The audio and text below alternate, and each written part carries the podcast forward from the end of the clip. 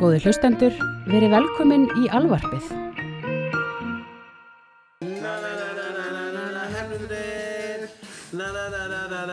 Hefnundir Na na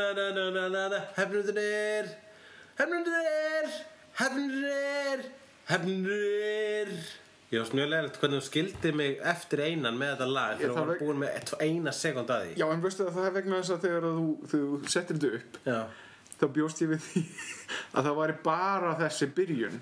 Já. Ég átti ekki vona öllu læginu Þannig að ég held að ég myndi bara byrja á Na na na na na na na na Hefnundir Velkomin Bam, já. Come on. Já, ég meina þannig, þannig þú veist, í, í lengri Batman þáttunum þá er þetta stuttastefið Þú þurftir ekki að fara í allt stefið alltaf. Já, en, en það er gaman. Það er Já. gaman, Ævar. Ég vildi bara að vegna svara gaman. Þú getur líka sagt mér frá því. Ég, ég bara gerði ráð fyrir að varum með sama standard á hvað er gaman. Mm. En þér er greinilega saman. En við erum alltaf að tala um Batman. Já, mér er bara drullu Batman. Herði, já, Batman. Eh, Besta overhitjan? Uh, Ein, já Hún er eiginlega besta ofurhetjan sko. Batman er kjarnapersona, besta persona hann er líka bara maður. Þeir reyndar hérna hjá Marvel gerðu Iron Man sem er svona high-tech Batman. Já, já, en uh, ég held samt að ekki að Iron Man sé eitthvað svona endurtekning eða eftirherma á Batman. Mm. vegna þess að Stan Lee skapaði Iron Man bara sem svona der hann uh, skapaði það í, já, þegar hippatíma var að byrja. -hmm. og einhverju mönuðan í að gera eins ósympatiska karakter hann gæti hugsa sér sem uh, hetju og hann gerir vopnasmið að hetju. Og það er ekki að sama Batman en hins vegar sko eru Batman og Iron Man þeir fylgja sömu erkitípu sem ég veit ekki hvar byrjaði en hefur byrst áður en Batman var til í formum eins og Zorro og uh, Scarlet Pimpernel það er að segja aðalsmaðurinn sem klæði sig sem uh, semi ólöglega hetju til að berjast fyrir réttlæti já, hann er teknilega hérna, maður sem ber grímu sem þrjótur en er raunverulega hetja Já, hann notar sem sagt eitthvað, já, já, hann það eru, það eru bara bandítar sem að, sem að, sem að fela, fela sig undir, undir einhvern svona klæðnaði til þess að þið þekkist ekki Já, uh, hvað má kalla þetta? Einhver, sko, það er ekki hægt að kalla þetta anti-hetju. Nei. Er Batman anti-hetja? Hann Hann- var hann það er- kannski til að byrja með en í dag er, hann, dag, er anti-hetjan sko, aðeins meira brútal heldur en Batman. ég er náttúrulega að byrja sem morðingi Já, hann ok. draf aðalega skrimsli Uh, það voru, sko, þegar það er verið að tala um það að Batman hefur aldrei drepið, hann hefur drepið. Mm. Hér og þar. Það fer bara eftir hver skrifar hann og það er síðan bara svona ein- einmitt eins og DC heimurinn virkar þá er það bara strókað úr sögunni eins og er oft í, í þessum ofurhetju heimum þá er það sem var einu sinni skrifað þarf ekki endilega að vera gott og gilt í dag. Já, og síðan er náttúrulega talað um það að hann hérna, noti ekki byssur. Mm. sem er náttúrulega bara tóm þvæla. Það eru byssur á bílunum hans. Já, alltaf, hann er með fullt af byssum þarna í, uh, í Batman Tim Burton myndunum. Öll faratækin eru, eru þakin í einhvers konar skotofn Já. Hann kannski notar það ekki að fólk Nei, hann notar það bara svona hans, en ekki nema hann sé að skjóta byssur úr höndunum á einhverjum þrjótum, sko, hann er mjög góð miðari. Ég man eftir einhverju Batman-sögu þar sem að hérna, e, hann fekk í hendunar riffil og var búið að tala um það út í gegnum söguna já, hann notar ekki byssur í þetta þannig að kemur í ljós að hann er einn besta skitta á bara í heiminum. Hann, Já, hann hefur notað byssur fyrir, já, vissulega. En, en þá segir hann einmitt, hérna, það er ekki það að uh, sem sagt, ég, ég hérna, kunni ekki að byssur. Mér bara langar ekki að nota þær. Já, hann allavega í Batman uh, Dark Knight Returns sögun eftir uh, Frank Miller. Mm. þá er með færanlega riffil í hendunar og hann brýtur riffilinn og segir This is the weapon of the em- enemy, we will not use it. Það er endar eitt í til Batman að hann er ekki einn hlutur. Þú getur ekki nelt niður hvað Batman er nema svona sem einhverju óljósa hugmynd. Já, uh, uh, sko, ljósasta hugmyndin er það að hann er að berjast gegn glæpum. Já, það er hreinast. Það er hreinasta hugmyndin en það er til hínur á þessar byrtingamyndir af því og eins og við höfum rætt þá hérna, þegar það kom í ljós að Ben Affleck að leika Batman voru svo margir á mótiði vegna þess að Batman er ekki eitthvað hallarislega gaur og maður hugsa eh, hefur þú lesið Batman? Vegna þess að mjög, mjög oft hallarislega gaur og stundum þegar hann er hallarislega gaur það er hann næstlið svolítið frábær. Mm. sama ber Adam West sama ber sömara skemmtilegu uh, 60 sögunum sama ber uh, Brave and the Bold uh, teknumyndirnar og svo margt annað það er bara til svo margar byrtingamyndir af Batman að það er bara gott og fucking blessað að hattarslega gaur eins og Ben Affleck skildi fara að leika hann vegna þess að síðast var super intense gaur að leika hann Já. eins og Christian Bale en hver er Batman? Ok, hann Batman fæðist 1939 í höndunum á Bob Kane og Bill Finger maður sem að hefur ekki endilega notið lofs þess lof sem hann á skilið fyrir það að hafa átt þátt sinn í að að smíða Batman heiminn Nei, þetta veit, vita bara alls ekki allir hver Bill Finger er það vita eiginlega flestir sem hafa eitthvað minni, minniháttar þekkingu á Batman vita hver Bob Kane er -hmm. Bob Kane tók þá allar heiðurinn eða hvað? Já, Bob Kane var með sagt eh, klausu í samlingum sinum það að hérna, skrifa nafni sitt á í, í hvað skipt sem að Batman sá að vera byrt þótt hann skrifaði hann ekki, þótt hann myndskreitt hann ekki hann var nú aðalega myndskreittari hann var ekki söguhundur uh, að sem sagt í, í samningsklausunni þá kom fram að sagt Bob Kane það, það var endur ekki created by Bob Kane í upphafi. Það var aðeins setna þar sem að það fór að, að bætast við created by. Já, en Bill Finger sem að var sem sagt, uh, höfundur sem skrifaði umverulega Batman-söguna maður fann upp á jókernum sem að jötna, bjóð til Robin sem að kom með tiljöfnum sem að gerði Batman-búningum að einhverju sem er bara svona svolítið grátt og svart frekar heldur en raukt og svart sem að hann, hann, hann Bob Kane alltaf gera uppalega og bætti við skikkjunni, bætti við grímunni hann bætti við fullt af dóti hann Bill Finger.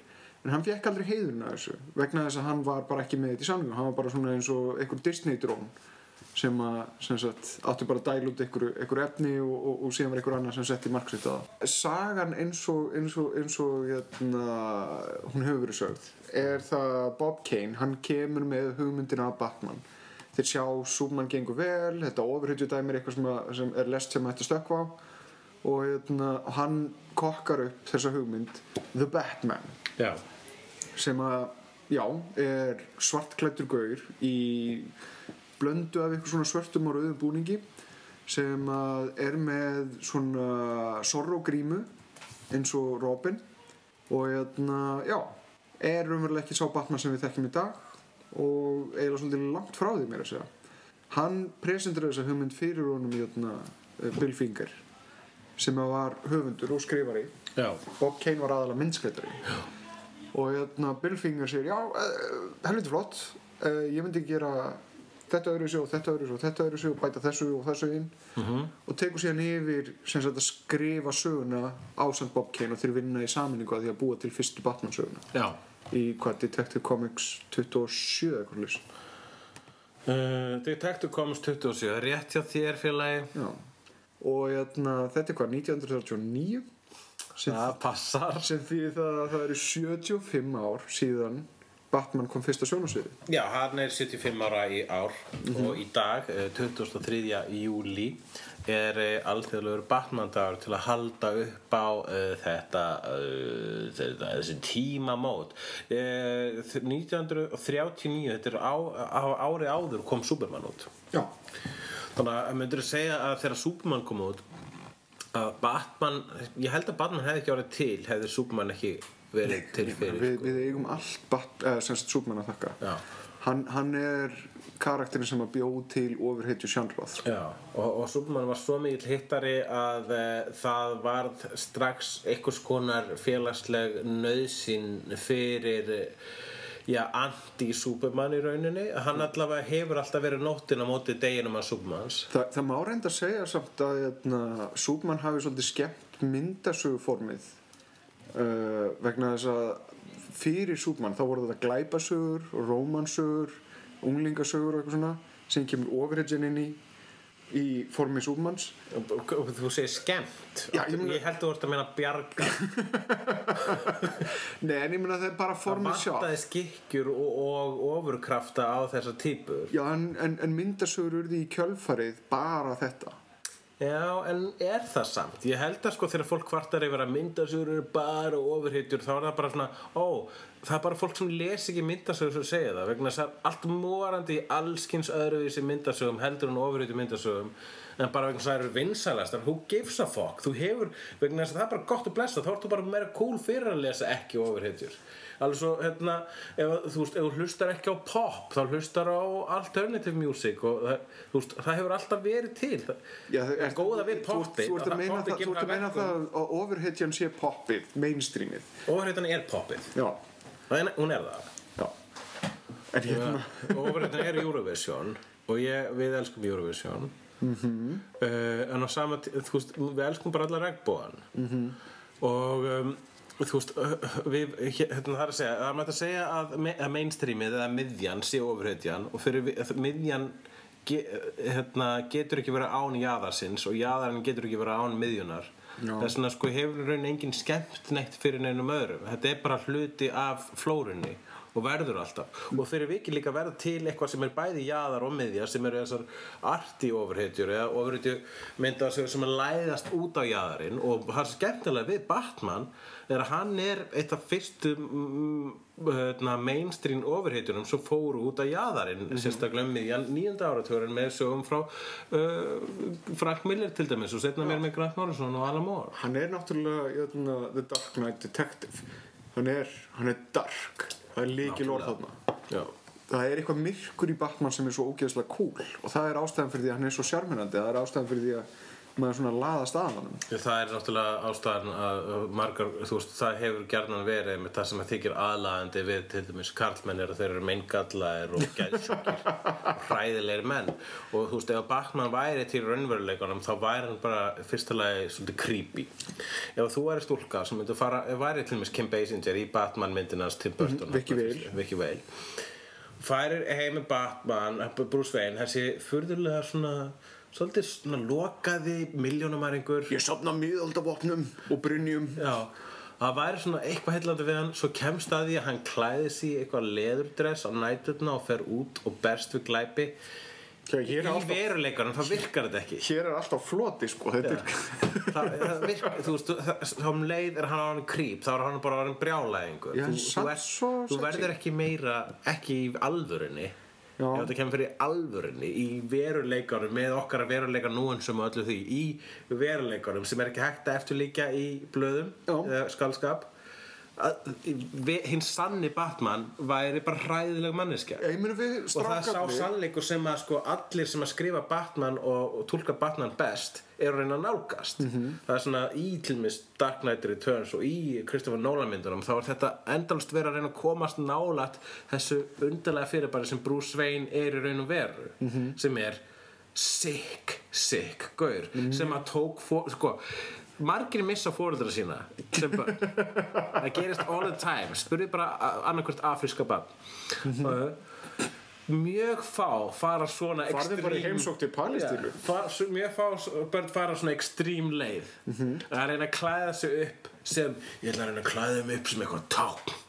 Ég veit, leðurblaka vegna þess að brust leðurblaka inn úr gluggan minn þegar ég var að hugsa þetta. Við skulum reyndar halda því til haga að fyrst þegar leðurblakan brýst inn á gluggan mm. að þá segir Bruce Wayne ah, já, glæpamenn eru hjátrú á fullt lið já. Ég ætla að klæðast þessum búningi vegna þess að ég er að spila og óta þeirra. Hann gerir það einmitt, það er einmitt líka svona fordómar í honum sko, hann er svo mikill aristokrati hann gerir aðferðir að, að glæpa menn séu svo bara svona ómenta drasl sem er bara hjátráfullt og trúur að drauga og þess vegna ætlar hann að klæða sig upp eins og eitthvað svona vampírudraugur En til að hræða óvinnir þá? Og svo, þeir eru, þeir eru hjátrú á ómenta lið og ég mun klæða mig upp sem liðublaka og, og, og skjóta þeim skelk í bringu og þannig mun ég berjast gegn glæpum. Sérstaklega svona, takkilega myndi þessu hugmyndegin svona virka þú veist til lengdar. Já, en óvinnirnir aftur á móti fara í sama fasa. Ég meina, þegar þeim byrjar að berjast við ykkur ótínda glæpamenn ykkur að gæja í, í, í, í ykkurum fetur á höttum og í, í síðum frökkum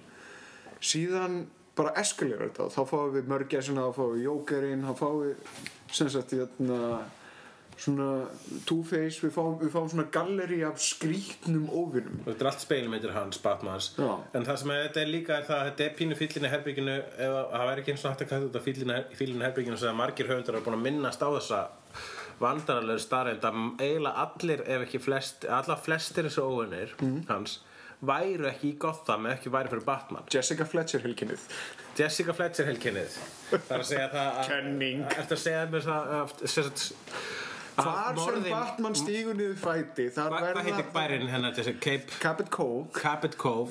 Gotham er Cabot Þannig Cove. að þessi morð væri ekki framinn í Cap, Cap, Cabot Cove. Cabot Cove. C-A-B-O-T Cabot Cove. Þau væri ekki framinn ef að Jessica Fletcher var ekki þarna. Já.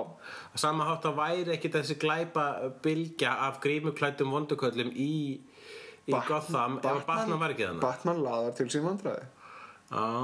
Ég er alveg að kaupa það Já, ég, ég, sko, kenningin er alltaf sko, eh, eitt er satt að Jokerinn hann er inspireraður af Batman. Jokerinn, er, ein ástæðan að hann til er vegna þess að hann vill dansa hann, hann er ástfangin af Batman hann vill dansa hann endalösu dans þá til að deyja báðir. Já, hínir glæpamennir eru ekkert endilega hínir flestir aðrir eru bara að leita sér að penningur smá hliðarspor hérna Við verðum á, á, á einhverju tímapunktu að fara hérna í, í, í homo-erotökina sem er líkur á bakvið Batman. Já, en það er, það er homo eru tekið öllum ofrið í sögum Já, en það er sérstaklega í Batman.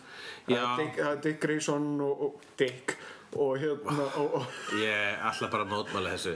Mér finnst þetta af dæmi Og með Batman það- og Robin séu eitthvað svona uh, homar Mér finnst það að vera það, Þetta var eitt af stóru mótmælum í hérna, Comics Code. Hvað hétt hann aftur hérna, Gaurinn, hérna, sem að gerði þessu, þessu Duction of the Innocents?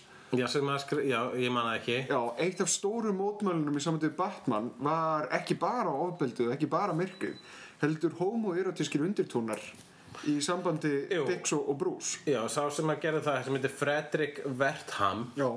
Hann sem sagt hann uh, gerði framleiti hérna forvarnamynd sem fjallaði um það að ef að krakka myndi lesa uh, myndasögur þá myndi klikkast mm -hmm. Taylor's Oldest Time vegna þess að eh, frá því að börn hafi verið til hafa fóruldrar ekki treyst börnum þau halda þessi geðsuglingar sem muni drepa þau. Hvað í anskotunum viti börn?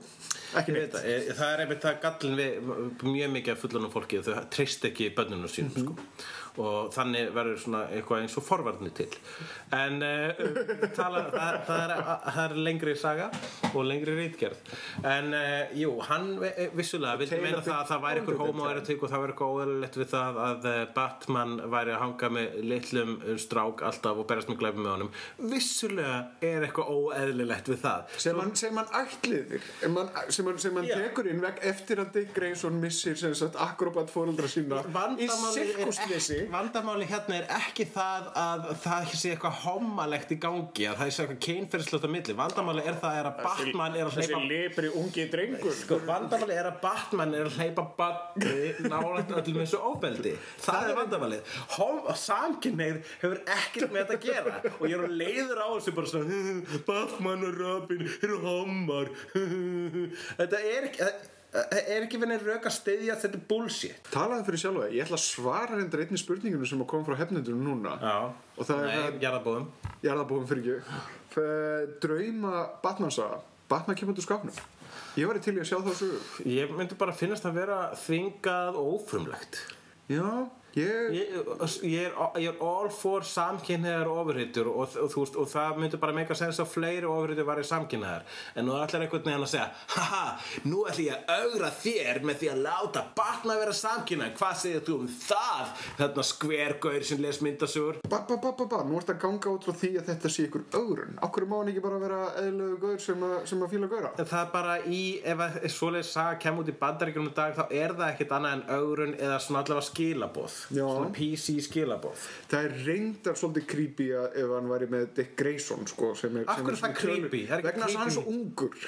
Já, hann er yfir lögaldri Það er ekkert creepy við það. Já ok, gras á vellinum og þá allt í lagi.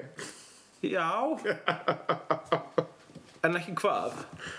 Ertu að segja að sé ekki í lagi?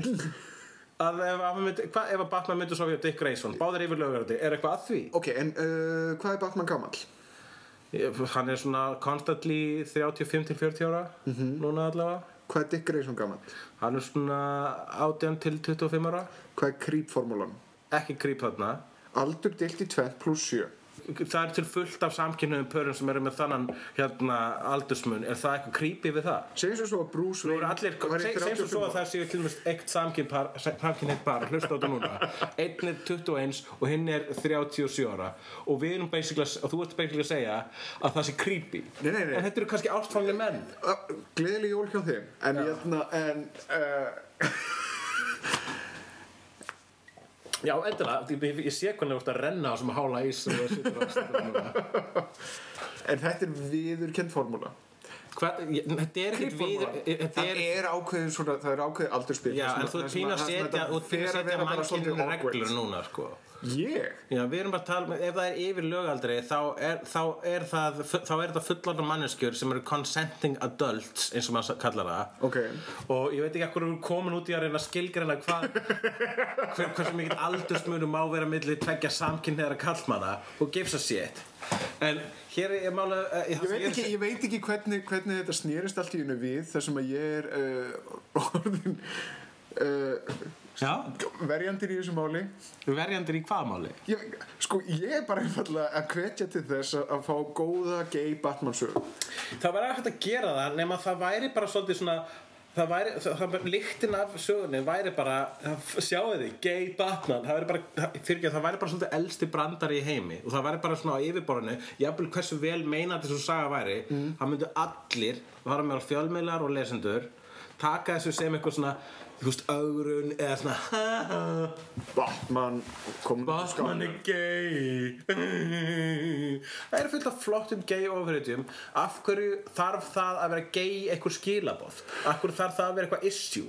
Hvað er svona merkilegt við það að vera samkynniður? Hvað, svona, hvað gerir gerir Batman sögu góða á hann samkynniður? Hvernig verður það eitthvað merkilegri saga heldur en aðra sögur? Ég myndi kafa dýpra inn í persónleika Af hverju er gaur dýpri vegna sinni samkynniður? Ég held að hann geti losnað við eitthvað issue sem hann er að díla við En er þetta að segja að all issuesin sem hann hefur er vegna að er samkynniður? Já, svona eins og, eins og þessir hérna, bældu homahatara sem að ráðast á, á aðra homa En hann er ekki ráðast aðra hóma sem eru síðan í, í, í innstinni einhvers konar skápa gaura sko. Ég held að þú setja að að hann sé djúpa að hólið ég held að hann sé að díla við einhvers konar issues Ertu að segja mér sem að allt sem Batman er er vegna þess að hann er gay? Ég er ekki að segja það Já, en- en- pínu að segja það og ert pínu búin að segja það en hvað með það?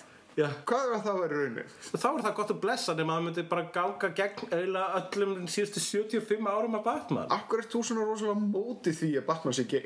Ég er bara á móti því á sama hátt að ég er á móti því að Kitty Pryde er allt í einu með, þú veist, time traveling hérna, power. Það er örgulega hægt að gera góða sögu um samkynniðan Batman en það sem gerir söguna góða er ekki að hann sé samkynniður. Nei, nei, það, það er alveg Já, vissulega það er það sem ég er að segja. Já, Þannig að sko hvort sem hann er gay eða ekki hefur ekkert með máli að gera.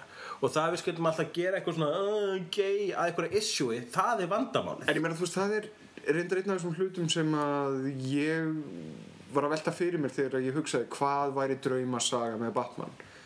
Og hann er búinn að gera allt það er, þú veist, þetta er 75 ára af sögu. Vissulega, og það er, alveg, það er svo rosalega margt sem hefur gerst og svo, svo, svo ótrúlegustu hlutir sem þú getur aldrei ímyndaðir sem að Batman hefur tekið þátt í. Reyndar er sko þessar nýlegu sögur til dæmis eftir Grant Morrison og ég er ekki múin að lesa Scott Snyder sögurnar en Grant, nýlegum Grant Morrison sögurnar það er að fara á ótróðnar slóðir með Batman með því einmitt að vísa í tróðnar slóðir Mhm. og það er mitt mál með ofurhetjur á sama hátt að það er með goðafræði að er, þetta er endurtekning á mítum þannig að þú getur alltaf sagt kom, það er skemmtilega við ofurhetjur þetta er sko hetja sem er alltaf til mm. og breytist í rauninni ekkert nema svona stundum í einhver spesögum eins og þú núna þegar Þór er hann kvenkins en það verður kallkins aftur Já.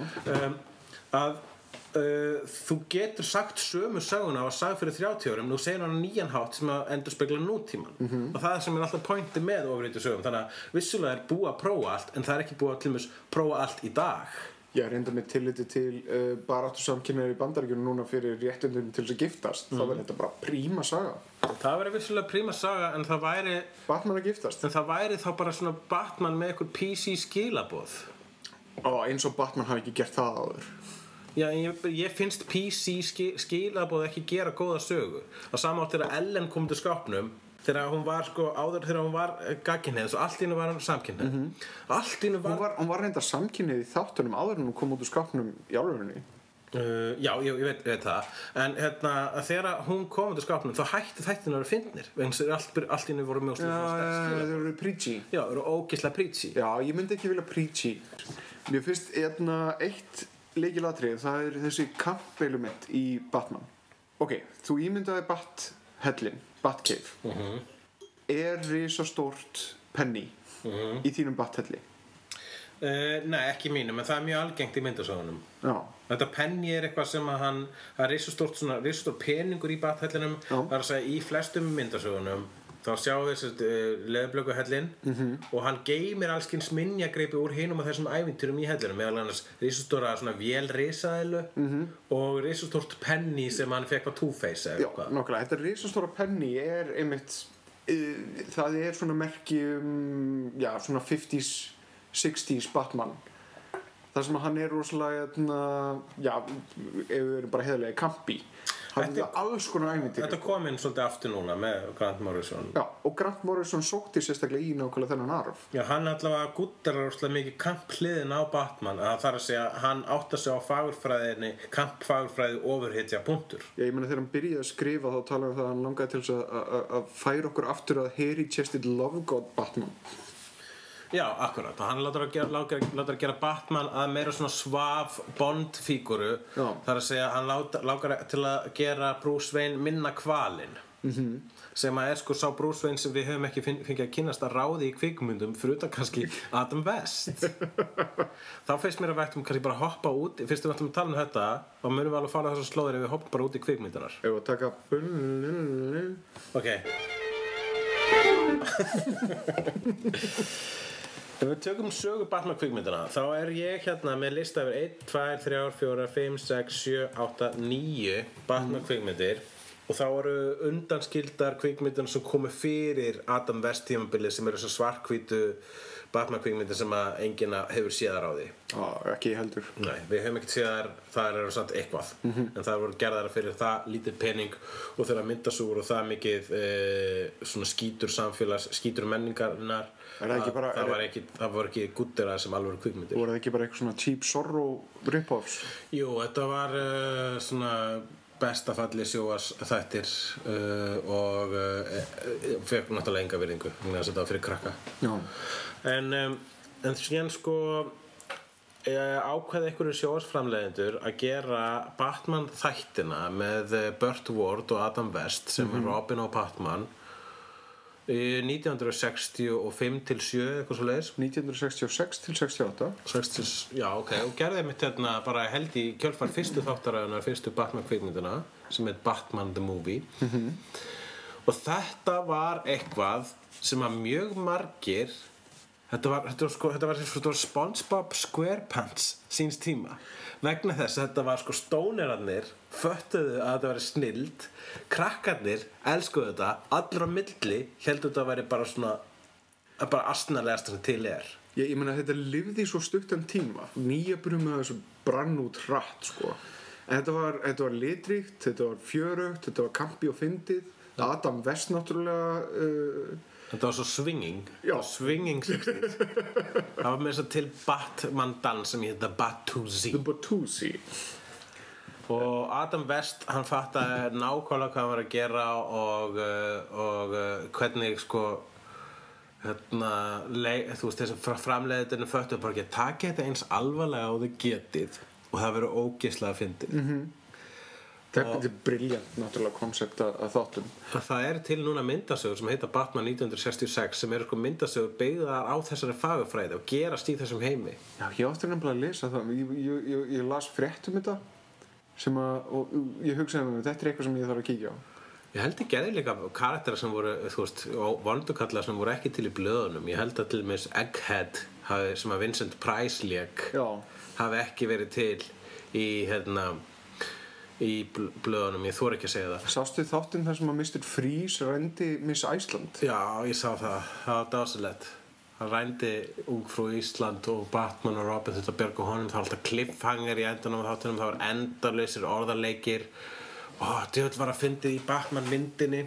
Veit bara margt fyndi í Batman Þetta er bara með besta grín efni sem eru sami fyrir sjóarp og ég- það var viljandi fyndið Hérna, þetta var alltaf náttúrulega post-modernist er þetta að kalla það sko. þetta, þetta var undir þessum tíma það var ekkit svona grín á þessum tíma sem var svona haha, í þykjustunni þá erum við að reyna að vera cool en við erum í raun og stjórnaðar og ég man eftir aðtrefinu þegar þeir eru að fatta það þeir eru að berjast við fjóra vandakalli í einu uh, Riddler, Joker, Catwoman og Penguin í Batman the Movie. Og þá voru svona hérna, þá voru að sko setja saman vísbendingarna vegna þess að hérna, þegar hákarlinn hafa ráðust á þá út á hérna út á miðju hafi og þau notuðu shark repellent til að sprauta hákarlinn í burtu. Nákvæmlega, eins og maður gerir. Og hérna og þá bara svona hmm there was something fishy about that shark. Fish! Penguins! They love fish! The penguin! Wait a minute the shark was pulling my leg the joker ah, og svo kemur svona svo kemur Robin and it all happened at sea Sea as in Catwoman. Oh, it all comes down to a sinister riddle. The riddle, the riddler, the riddler. og þannig föttuð þau að það var þetta er svo mikil snill þetta er æðisleg svona á að skrifa þetta. Ég segi sko þetta er þegar maður tekur alla batnamyndina saman þá er hún í top 3 mm -hmm. alveg bara tvímanulegst og svo gerist ekkert að ráði. Það koma þarna teiknmyndir Eh, 83 ár já, sko, næsta Batman bíómynd sem kemur er 89 mm -hmm. uh, ánum milli koma teirmyndir byggðar hluta til á eh, uh, myndasögur Stilmas Neil Adams mm -hmm. sem er nú eitt besti Batman teiknarinn hann skapaði, hann tóst að taka sko litina úr 60's Batman og gera það eitthvað, gera eitthvað gæðut hipp við þá. Þetta var, þetta var le, sérstaklega late 70s, early 80s þá var Neil Adams kongurinn þá er náttúrulega markviss þróun uh, frá Camp Batman Adam West Batman. Þeir, þeir voru að reyna að færa hann aftur á þeim rótum sem hann kom frá sko. Og draga úr liti, draga út kampið. Og þetta var hægferð, hægferð hægt ferðalag en hérna Og það gerist síðan eitthvað í myndasögunum hérna miðjan á- á níunda áratögunum að, uh, að það Batman er endurskap, endurfæðist hjá Frank Miller í bókinni Dark Knight Returns sem er vafa uh, eiginlega af flestra mati besta Batman saga sem hefur verið gerð. Ég held að hún sé og já, hún er kringdur mistari Hún er eina minnum upp alls myndasögum punktur. Hún er alveg storkuslu hún hún, hún og Elektra Livs Again eru bestu visualísku ver verkinars Frank Miller en þessi hún er líka drullupólitísk hún er brútal, hún er töff og hún fer leiðir sem að fólk vissi ekki að vera hægt að fara með ofurhetjur í þá daga. Og síðan á svipum tíma kemur hérna, uh, stuttu setna kemur Batman Year One eftir sama höfund reyndar eftir annan teiknara, David Mazzuelli eða hvað sem, hvernig sem ber það fram. Uh, Arkham Asylum var þarna í kringum þetta kannski early 90s en held að undan komi mitt Tim Burton. Var ekki The Killing Joke á undan Arkham Asylum? Það er, uh, passar örglega, já. Já, en, uh, en það allavega ef ekki hefði verið fyrir Dark Knight Returns að hefði Tim Burton Batman ekki orðið til. Já.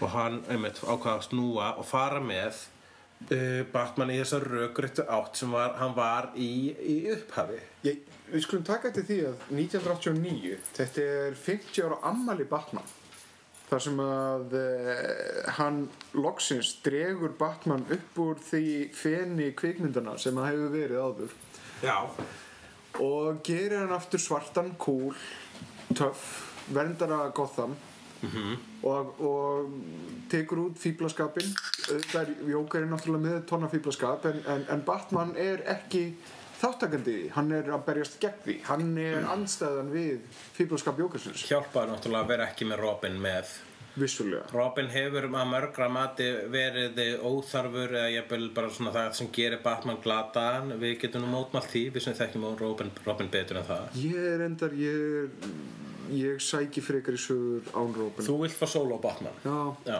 ég bara, eins og ég segi, það fyrir bara eftir hvernig það skrifað. Þetta er nefnilega svolítið fyndið að, hérna, ástæðan fyrir því ég var að minnast á, á Pennyið í Batcaveinu þínu Já, er það að það er, það er ákveðið kampelement sem, að- sem að, svona ákveðin fortíð en ég vil hafa solo Batman.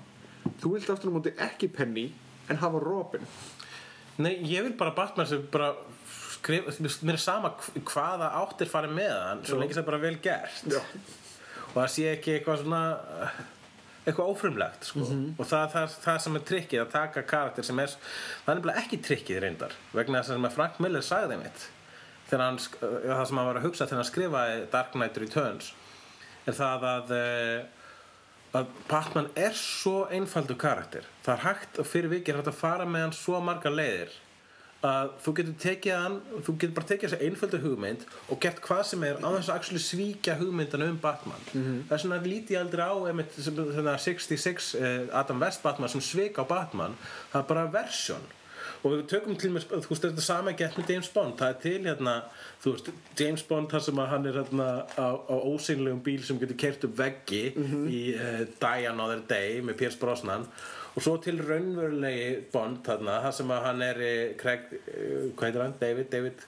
Da- Daniel Craig. Daniel Craig, ekki Craig David, það er R&B söngvari.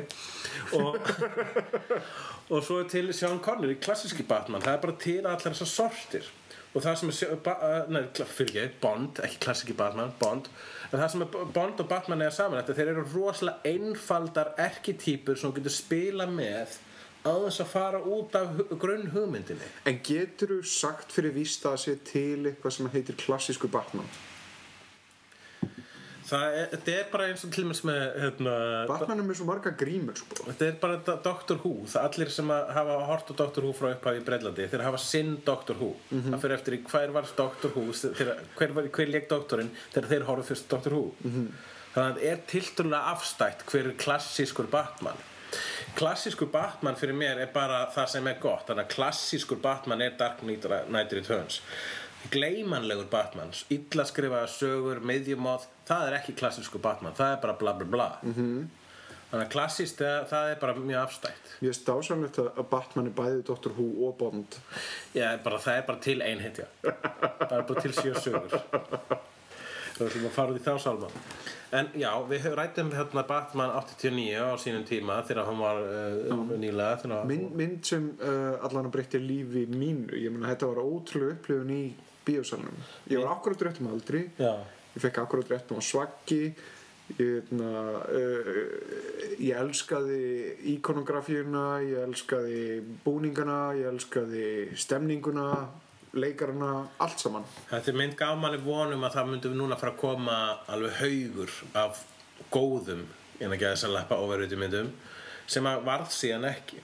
Nei, að það kom ein mynd sem toppaði hana og það er Batman Returns. Já sem að er, ma- sko í sko sögulega allar í man ég þegar hún kom það voru óslega mikið af jafnöldurum mínum sem fannst hún drasl reynda var maður orðin úlingur þá og mátti ekki fíla barna lengur Talaði fyrir sjálfa þig. Já, ég er ekki að tala fyrir sjálfur mig ég er að tala fyrir fucking lið sem var með mér í svona fucking hagaskóla mm. biturð, biturð en þá allt í einu sko þá gæti maður ekki ópenbæra ást sína á Batman lengur frekar en þú þegar ég var í tíu ára fyrst- Batman fyrir krökkur.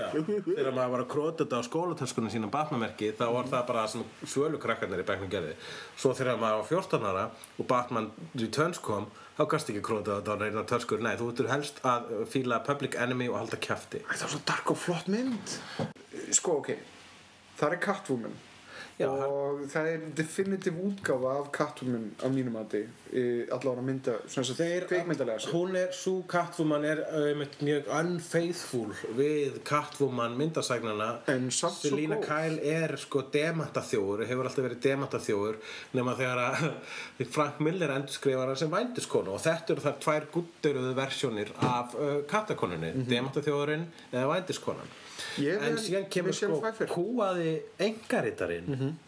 í Batman Returns og það er alls ekki verri típa. Bugaða manneskjan sem verður fyrir taugáfalli og árás. Og verður hérna morðtilraun. Já, hún verður fyrir yfirmaður hennar í uh, drepur hana í, sa, á- í sama, sko, með þess að þegar hann drepar hana þá er hann að þykast fyrir reyna við hana. -hmm. þannig að þetta er bara svona það er, dundrandi, dundrandi myndlíking og skilabóð hún er að upplifa einhvers konar von þú veist, hún hefur verið að reyna við eða langað til þess að reyna við hann en komist ekki, Já, ekki hún, komist hún að var þeim bara með stað svona ólýsa draumum hvernig ætti að komast áfram hvort hún ætti að reyna við yfirmann sinn eða koma með hugmyndur um hvernig síðan er fyrirtæki hún brotin. Já, hún mél. Hvað, hverjir vekjana til lífsins? Kettir vegna þess að hún er einmanna kona sem á bara ketti. bara ketti sem vini. Kemur heim til sín og lendir í svo frábæra atrið sem er skorað af hennum dásluna Danny Elfman. Og breytist og tekur sko gelgjuskeið það er sérstaklega cool þegar hún tekur sko öll sætu föti sín og rýfur þau og tekur dúkkuhúsið sitt, tekur dúkkurnar og brúðnar sínar, Já. tætir það, lætir stelpa. Brennir, brennir dúkuhúsið með hérna, hárspreyi Já, og einmitt, með svörtu hárspreyi og hérna og þetta er svo veist, eins og þegar stelpa er að fara á gelginu og hún fattar að það er bara krúttilegt blekt át í herbygginu og hún þólir það ekki lengur og vill hengja upp þungaroksplaggat þannig er atriðið þegar hún allt í henni verður eitthvað super sexual sadomaso drottning og kynni sig síðan inn í myndina með að segja I am Catwoman, hear me roar.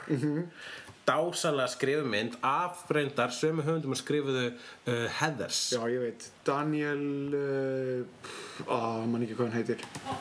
En Heathers er náttúrulega já, það, það er viss systramynd við Batman Returns. Já, Daniel Waters Daniel hann. Waters, Já, og þetta er uppruna Sam Hamm sem skrifaði handritið sem skrifaði handritið á Batman 1 Hann er Sam góður. gerði, gerði, gerði eitthvað svona plott. Hann gerði ykkur beinagreind en, en Daniel Waters setti inn allt kryddið sko. kom og gerði myndina edgy og flotta.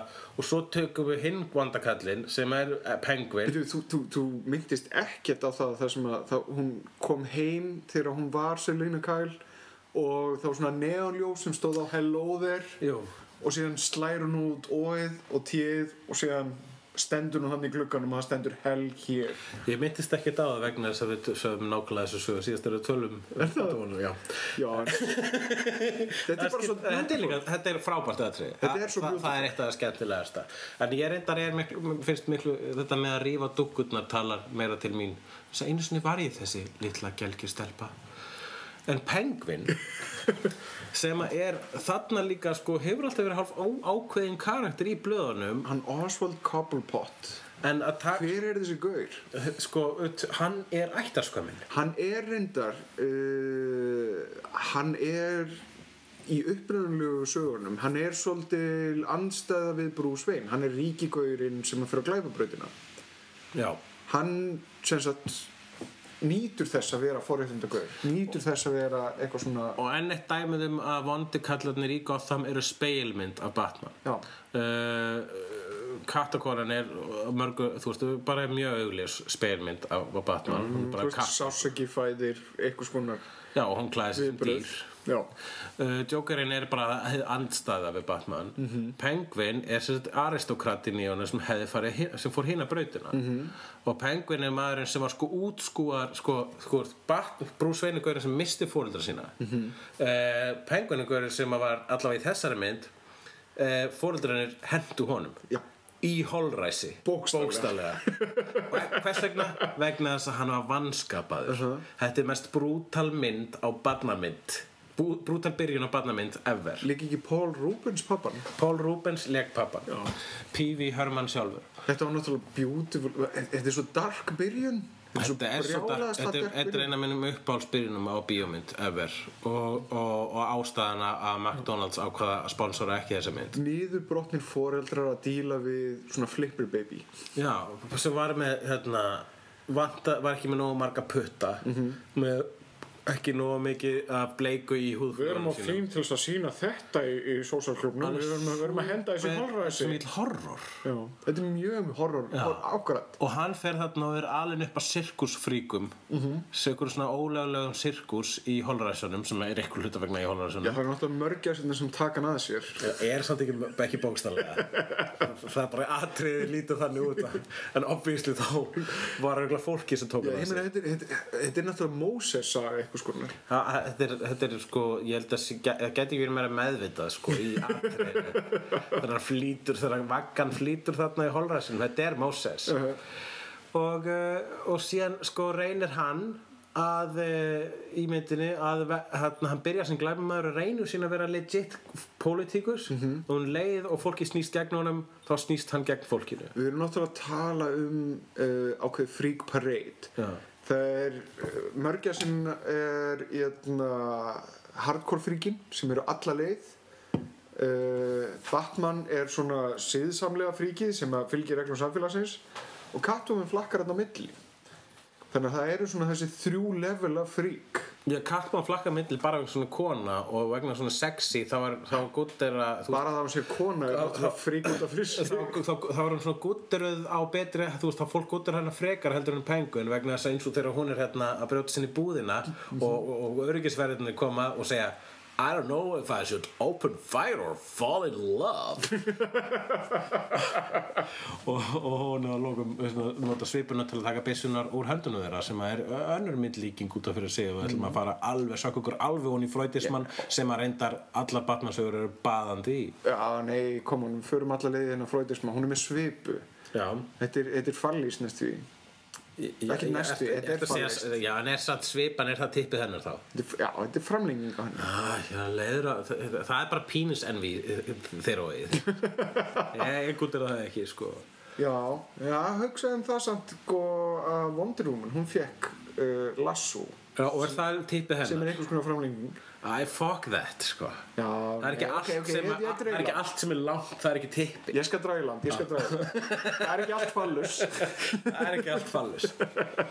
Nú, en áður en að við förum á- áður en að, sko, svo kemur hérna hættir uh, Tim Burton að gera Batman. Já. hann ákveður að að öðru sem er sem áður, sko, áður, ætlaði hann að gera þrjú það var eitthvað um að e, e, rætt en hann vildi bara snúa sér öðru. Já. Hann er ekki eins og Michael Bay. Ég held líka að þessi mynd hafi ekki fengið jafn, uh, mikið box office draw og fyrirmyndin vegna þess að hún þótt of dark Já, vegna þess að hún fekk ekki jafn geti- víða markasetningu að peningarnir bara voru ekki þeir sömu. Tvímælilegst, það hefur örglega verið eitthvað svolítið jafnvel ef þeir hafa ekki bara sparkað á hann út sko. Já, peningarliðandi Já, en það sem gerðist milli uh, Batman Returns og uh, Schumachers uh, Nixlisins mm. það var það að Batman The Animated Series kom.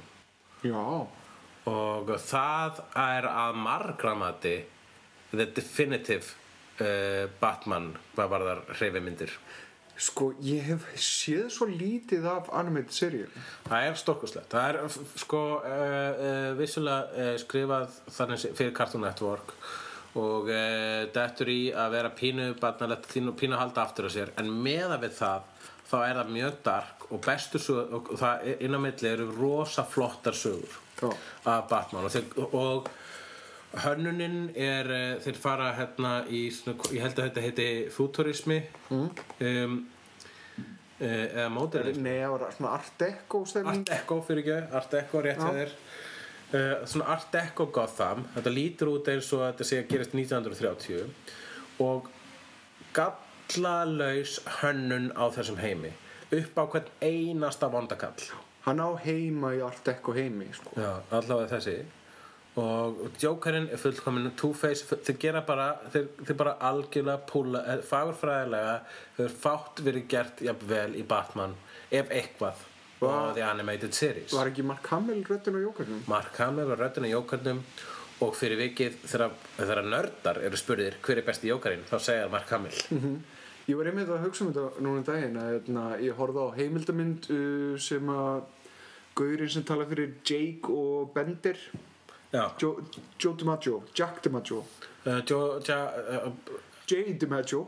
Alla DiMaggio. Já. hann talaði fyrir jókarinn í einni tegnumynd Já, hann var að gera sagt, heimildamynd um voiceover artista. Já, og uh, í einu stuttu segmenti þá var talað um jókerinn mm. og allir eru einhvern veginn að reyna þið bera sér sama við Mark Hamill jókerinn og þetta er ekki eina skiptur sem hann hefur tala fyrir jókarinn hann er ekki bara gert það í animated series hann gerir líka fyrir tölvuleikina. Já, og fekk þannig aftur að endur taka hlutverki sitt og er frábær í þessum Arkham tölvuleikjum sem jókarinn já, og ég segi það bara vegna að ég hef hort sko á öll hérna, YouTube my- myndböndin af Ertu búin að taka svona walkthrough Ég myndbönd? Og bara horfa á þau? ég er bara búin að horfa á sko allt, alltaf þarna milli kaplinu milli borða Já, ég horfa á það. Og hann er frábær í því sko. En það var með þessari animated seríu þá kom einmitt ein sinn bíómynd Mask of the Phantasm. Ég sá um í tana hún kom uh, 93 mm fá ógislega flott mynd. Já, og uh, hérna þannig séð bætti upp fyrir það sem átti eftir að koma. Guð, já, það kom, það kom. Já, eins og einhvers konar eldregnum himnum mætti hann Joel Schumacher á sveið Já. Betur, hvers vegna var hann valinn? Hvað, hann var búinn að gera Lost Boys?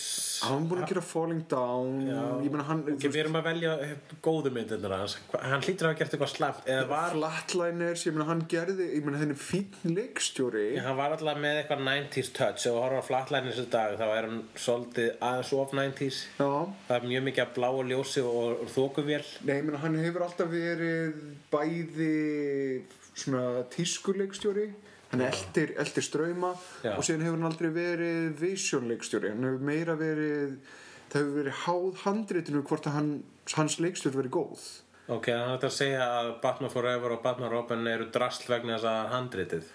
Já, ég held að það sé alveg stór þáttur í því en það er líka það að hann er sko, hann hlustar á fyrirmæli.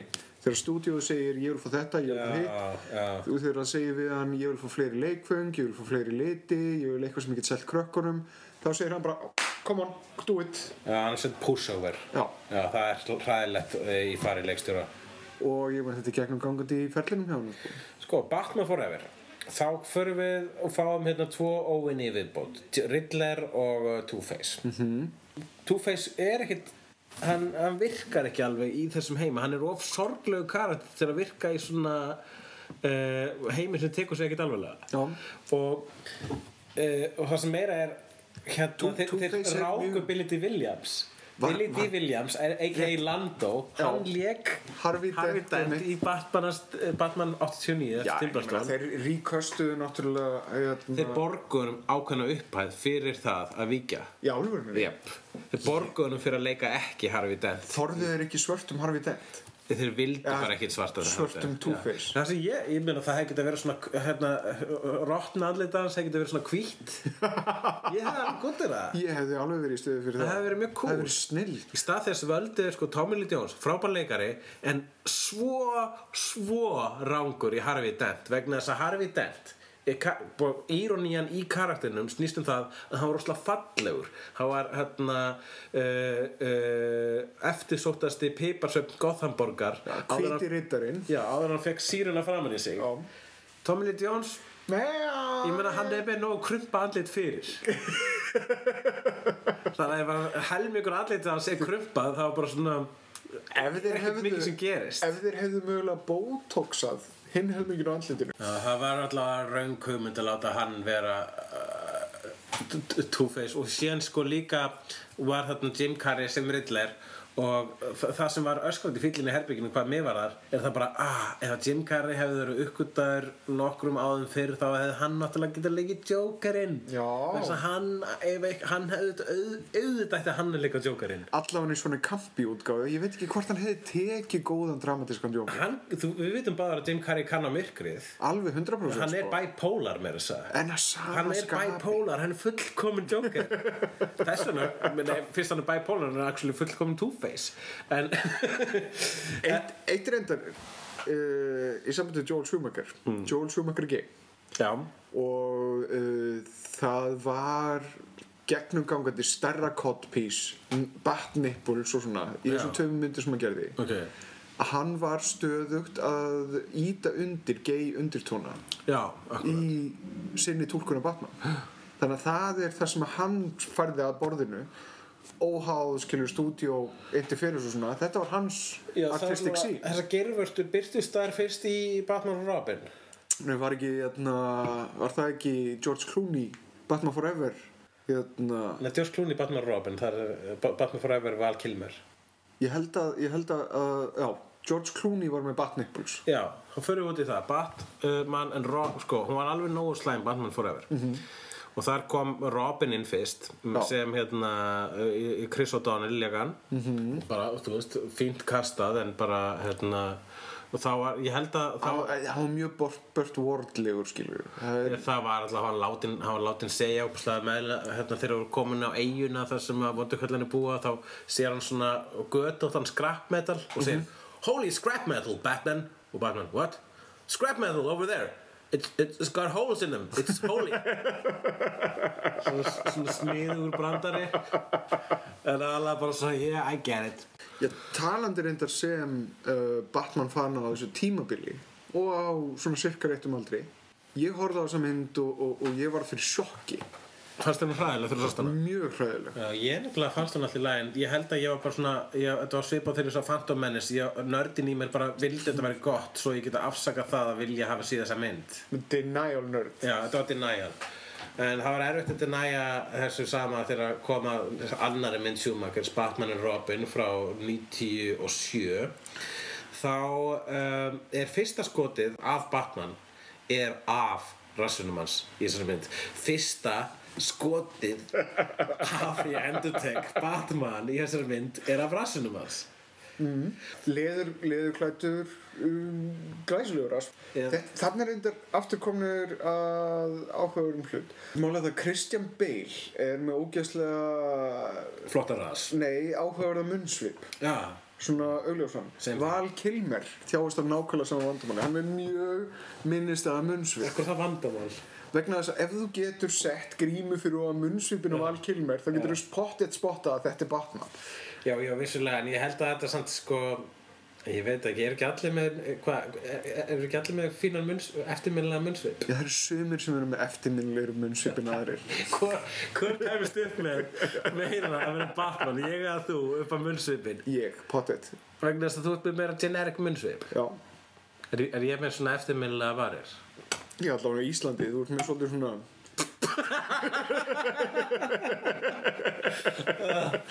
Oh, David Ei, ekki, ekki, ekki líta á þetta sem vandamál. Ég meina, þetta eru bæði, þetta eru báðir myndarlegir menn. ég líti á þetta svo stórt vandamál. Eru bæði Val Kilmer og Kristján Bale eru mjög myndarlegir menn. Og munnsvipurinn virkar vel í andlitinu og er reyndar Þetta er bara þegar þú setur á þig Batman grímuna þá fyrir þetta að vera vandamál. Já, ég er svona pínað að draga í land með hann samkynnaði Batman. Hérna það eru til hérna sem sé Bat uh, það til sko klámútgáður af Batman. Mm. það til Batman klámyndir þar sem Batman er að ríða Catwoman og eitthvað svo leiðis mér finnst það að- er ekki til þú veist, það myndi meika eða meiri sens bara, bara til þess að þjóna þessari, þessari kjaftasögu, þessari mýtu þessari vinsælu kenningu um að þeir séu samkynneið það myndi þjóðari betur að það væri til homaklámynd um Batman. Ég meina raunsætt tala það hlýtur að vera í svona topp 5 ef ekki þremur sætunum þá slash fiction með Batman. Ég held að það sé alveg Alveg- já. alveg toppnum, sko. Kirk og Spock Sam og Frodo Batman og Robin það eru vinsælstu slash uh, gay fictionið. Alveg öruglega Já, tímanlaust sko. Og það er eins og ég segi það sem bögum mig við þetta þetta er bara svo ófrumleg pæling sko. Já, ok, sorry, Hún er alveg sorry ef vera ófrumlegur. Nei, nei, ég er ekki að, baka, ég er ekki að skjóta þig Ég er að skjóta bara svona meira á sko. Æ Fuck it. Já, e- ef við ekki bara, ef við ekki bara halda áfram með Schumacher? Já, hæ- hættum að tala um einhverju gay hlutu Hættum að fara að tala um Schumacher. Allavega Hérna Ok Ég rugglast alltaf í rauðinni Batman og Robin og Batman Forever einhvern veginn eru saman fyrst, ein uh, stór ljót klessa. Og meiri sem sko Val Kilmer Hann, hérna, reyndar sko Hefur, hefur segir, hefur lasið viðtálu Schumacher ykkur tíma og hann sagði bara svona Val Kilmer er frábærleikari en hann á við vandamál að stríða og ég ætla aldrei að starfa með honum aftur. Sem ég held að flestir sem starfa með Val Kilmer segja. Ég held að vandamálið með Val Kilmer sem leikara hafi ekki verið vandamálið við myndina Nei, alls At ekki. Nei, nei, nei, nei, nei, nei. Ég held, að, ég held að við getum alveg byrjað á Arnold Schwarzenegger eða, eða Arnold Schwarzenegger er, mynd, er ekki í mynd með hann er, ekki, hann er í Batman Robin Er það? Er það? Já Er það? Já. Er, ég að þvæla saman? Þú ert alltaf að þvæla saman Damn it Það var Robin, George Clooney sem var í Batman Robin sem að er sko e, í, til í vídeosafninu mínu vegna þess að hún er ein af þeim myndum sem er svo slæm svo slæm -hmm. að það er bara gaman að horfa á hana hún er löðrandi skítur af ógeði. Hún er svo, svo slæm. Hún hættir ekki að vera slæm hún er árás af slæmu dóti. Ég man eftir að ég var einhvern veginn í Elko og sá svona Batman sapn með öllum fjórum myndunum. Og ég hugsaði með mér ó, ég, ó, ég vildi óska að þetta væri bara fyrstu tvær. Síðan hugsa með mér fuck it, nei ef ég hef hinar tvær þá hef ég einhvern skít til þess að horfa til þess að hlæja að. Já Ég er, ég er hérna á í safninu mínu allar þessar myndir og Batman og Robin er myndin þar sem að byrjar á því að, uh, að hann bara hérna að, að Mr. Freeze, a.k.a. Arnur Schwarzenegger sem er topp billaður í myndinni þannig að þegar myndi byrjar Tonight's forecast of phrase þegar, þegar myndi byrjar þá kemur hans Arnur Schwarzenegger á undan nafnið hans George Clooney really Já, og hann far mest borgað fyrir þessa mynd. Snilld. hann far einhver, ég held að helmingurinn af því sem þessi mynd kostaði er launaseðluna Schwarzenegger. Reynda þegar ég hugsa tilbaka sko, saga uh, Mr. Freeze í þessari mynd. Þessi kona sem hann á þarna og, og harmunin sem hann er að upplifa og allt sem hann er að reyna að gera til þess að fá hana aftur. Það er bara alltaf fallegt það er bara svona fallegt, fallegt bít Jú, jú, ég meina ég meina það, sagan hans er alveg falleg er ef hann bara væri ekki svona ógæslega fyrir fá þetta með hann Það er eitthvað rosalega illa executað í þessu Það er þetta atriða sem hann svona er eitthvað svona búin að búa til eitthvað Það er eitthvað svona kar eða svona sundleg full af svona þurrís Já. Svona reikvél Og það er svona atriða sem að við sjáum svona hérna, security tape á því hvernig Mr. Freeze var til og eitthvað I must, cure my wife. Og svo þegar hann dettur út í þurrísinn þá heyrist það svona En allavega myndin byrjar á því að uh, hérna, Commissioner Gordon sem er leikinn af sama leikaranum í gegnum alla myndunar nei, Jú, hann og Alfred er sami leikarinn í gegnum alla myndunar það er rétt. Já. og hann segir svona Batman There's a new villain in Gotham. Hann segir actually There's a new villain in Gotham eins og þessi maður að selja þér ég meina þetta er náttúrulega Adam West Commissioner Gordon Náttúrulega það, en það virkar enlega náttúrulega ekki vegna þess að þetta er með 90s fagurfræði og þetta er bara svona clash af mismunandi uh, sorry. Ekki að fá svona ílskala á mig. Þetta er svona clash af hérna, fagurfræðin sem, sem fittar ekki sko. þetta er verið að reyna sko, að vera á svona 90s cool en að vera 60s hallaræsleg þetta, þetta, er- þetta er banvæn blanda og svo ekki sem talaði um allar tónlistin í þessu hvað var það, U2 mm. Nei, U2 var með tónlistina í Batman Forever. Já. og svo var hérna actually uh, Smashing Pumpkins Já.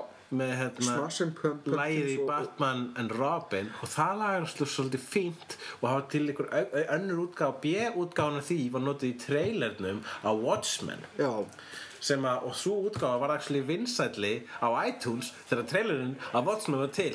Halló, halló, ég veit hluti, ég veit skrýtna hluti. Allavega.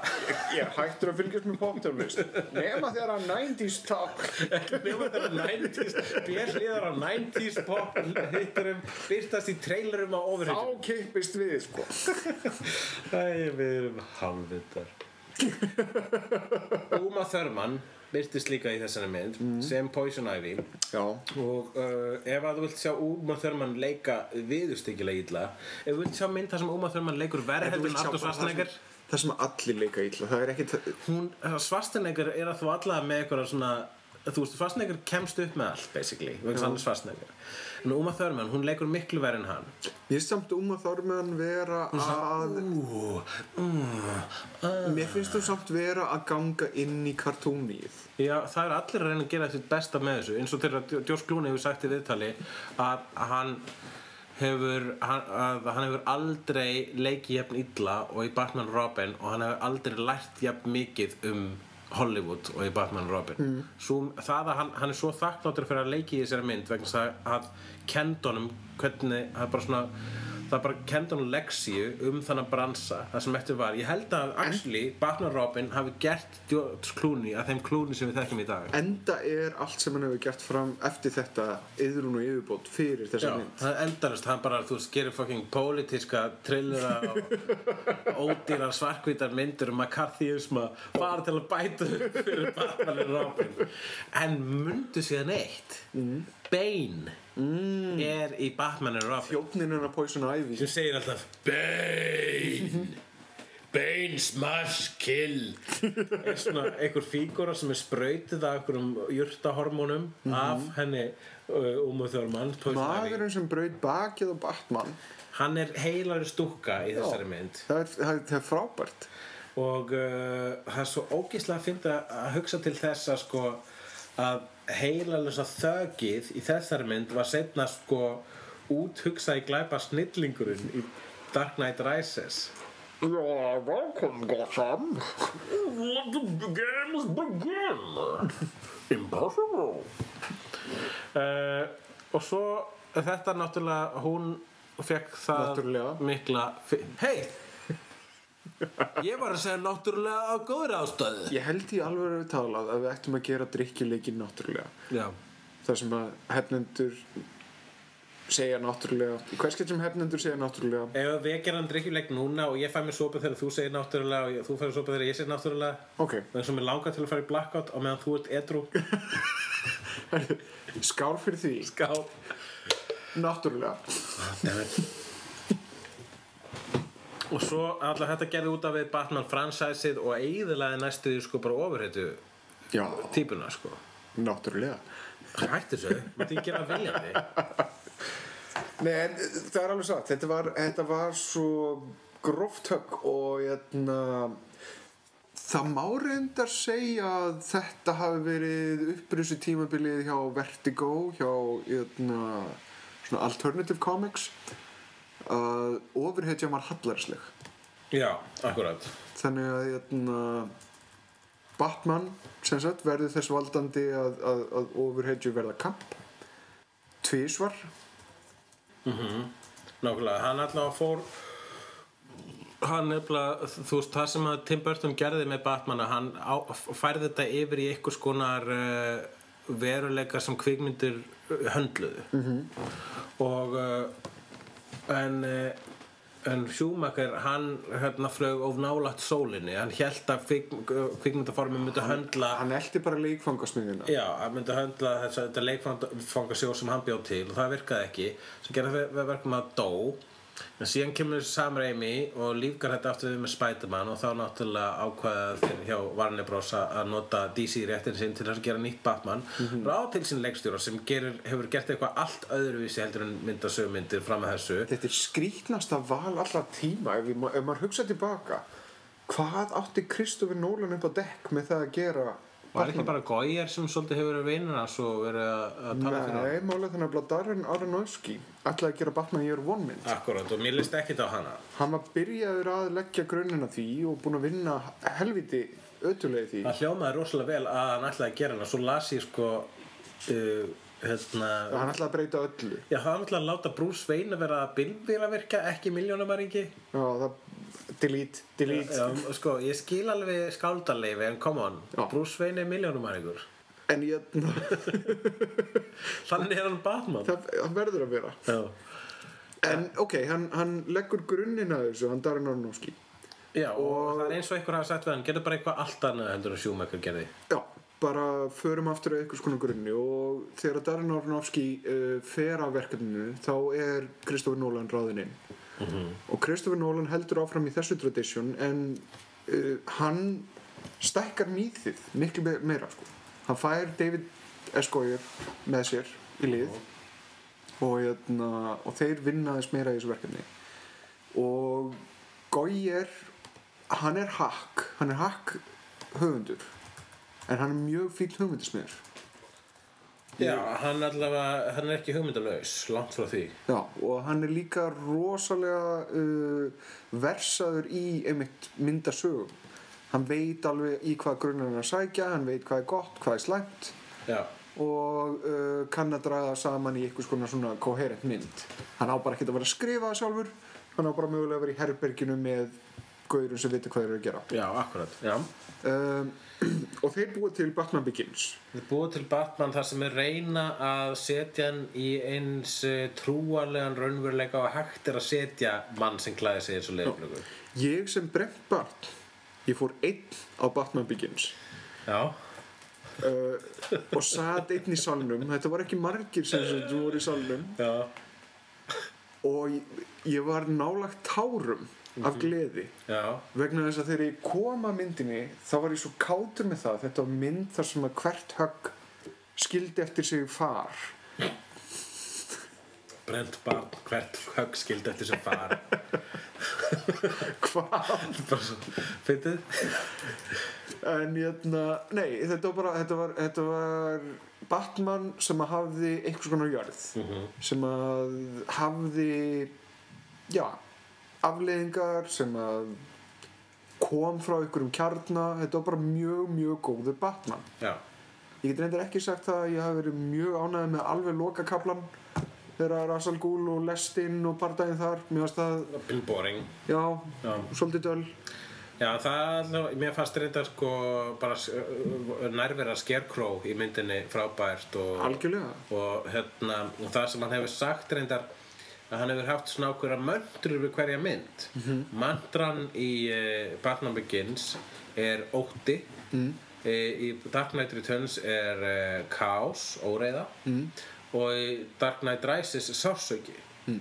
og, og hugsa þetta þá er þetta þá er þetta svo viðlúðandi og gefur uh, mynd, öllum myndunum svona sitt mengi. All, allar myndunar eru sjálfstæðar það eru ólíkar hvor annari en eru samt, samt tengjast svona gríðarlega og eru samt hluti sömu sögum er að segja. Það er dásanlegt að horfa að allar í röð mm -hmm. en það eru mjög góð heildarsaga.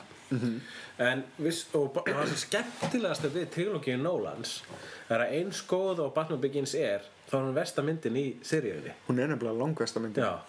Og það er svo dásanlegt og samt svo góð. Já, svo kemur hérna Dark Knight Returns og við bara vitum ekki hvert við ætluðum sko. Allir sem að kúkuðu á þá hugmynd að Heath Ledger myndi leika Jokerinn kúkuðu aftur inn í sig sko. augnablikið þið- með blíjantnum bara það augnablik uh seldi allt. En hún er bara dásaleg, það er hægt að tala endalast um hana. Það er sko, struktúrlega er hún svo óhefðbundin. Ég veit að þeir notuðu Heat en hans Michael Mann sem pínu fyrirmynd að myndinni menn það gefur henni svolítið svona hráa, þú veist láta glæpina vera svolítið svona áþreifulega óhugnalega það er bara allt sem það að að skrifa fyrir byssum meðal, þú veist, saklus fólks það, það, það varð Þi- það hættan var áþreifulega en það er eindir eitt áhugaður til þetta element að Jókerinn er stjarnan myndarinnar. Batman er ekki endilega stjarnan í Batman heiminum. Það virðist ofta skerast þegar að Jokerinn fær að stiga á sviðið. Já. þá stelur hann sinuna þetta gerðist þegar að Jack Nicholson kom inn á sama sett og Michael Keaton. En hugsaðum það, við tölum um Batman Returns og þá tölum við um, um Mörgæsuna og við tölum um Catwoman tölum ekkert um Michael Keaton. Hann er bara frábær. Michael en reyndar, sko, reyndar ef við tölum um Batman Returns aftur þá er Michael Keaton í algjöru aukalhutverki þar líka. Já. þetta eru nefnilega tvær sorgarsögur af brotnum persónuleikum sem eru þarna uh, Penguin og, og uh, Catwoman í Batman Returns. Og Batman nánast þjónar því einu hlutverki að vera sá sem að brot, svona, svona sá sem er brotin en er búin að læra að kópa við það. Ég held að við séum reynda komnir að einhvers konar kjarna hinnar, hinnar frábæri sögu og það er það að uh, vondikallinn það er hinn raun raunverulega sögupersona sem við viljum fylgja eftir Darth Vader, Jókerinn Já, og, hérna, og það sem er málið við vondukalla yfirleitt að það er erfitt að skrifa þá og það sem að Batman heimurinn hefur er það að hann, er, hann hefur aðra grúa af vel skrifuðum vonduköllum hann hefur aðra grúa af vonduköllum sem hægt er að vinna almennilega með. Já, það er kannski samspilað að milli vondukallana og Batman sem að skipti máli. Það er hvar hann stendur gagvart þeim, hvernig við túlkum þá út frá hans sjónarhóli. Þetta er, þetta er, þetta er allt saman einhverju hluti sem skipta máli í heilda framsögn og þetta eru, þetta eru speilmyndir uh, og þarna í Dark Knight Returns það er að ræða stanslust um hvað Heath Ledger er frábær en þarna síðan laumast inn Aaron Eckhart sem Harvey Dent -hmm. hinn hvítirittari eins og þú sagðir sem að síðan sögum glæpa skiptist í tvent það sem gerist fyrir Batmanum er það að, hérna, að ótti, glæpur, ílska var til þess að hann splittaðist í tvo persónuleika -hmm. það sama gerist fyrir Harvey Dent, hann breytist í Two-Face nema hann gerir það á nánast bókstalleguri hátt. Hann verður actually tveir gaurar. Mér finnst finnst reyndar snildar touch í Dark Knight. Uh, hérna, að það sé fyrrverandi kærasta Bruce Wayne sem er núverandi kærasta Harvey Dent sem að verður svona uh, augnablikið vendi punkturinn á milli þessar tvekja manna. Þegar hún deyr það er það, er það sem að brýtur hann Það, var, það sem ég er bara frábært er það að Katie Holmes hætti að leika þá personu og Maggie Gyllenhaal tók við af henni. Takk, Vísindakirkja. Takk Vísindakirkja. En uh, hann spyr hérna um, uh, einn af jarðabónum okkar hann spyr Gunnar Eyjálsson spyr Lukkið á Aaron Eckhart sem Two-Face Gott eða slæmt? Var Tommy Lee Jones flottari? Þetta er erfið spurning Ég, ég, ég, ef maður skoðar, skoðar myndasögurnar og ef maður að kópera þær einhvern veginn konkrétt sko Já. þá er Tommy Lee Jones pottþétt myndasögulegri.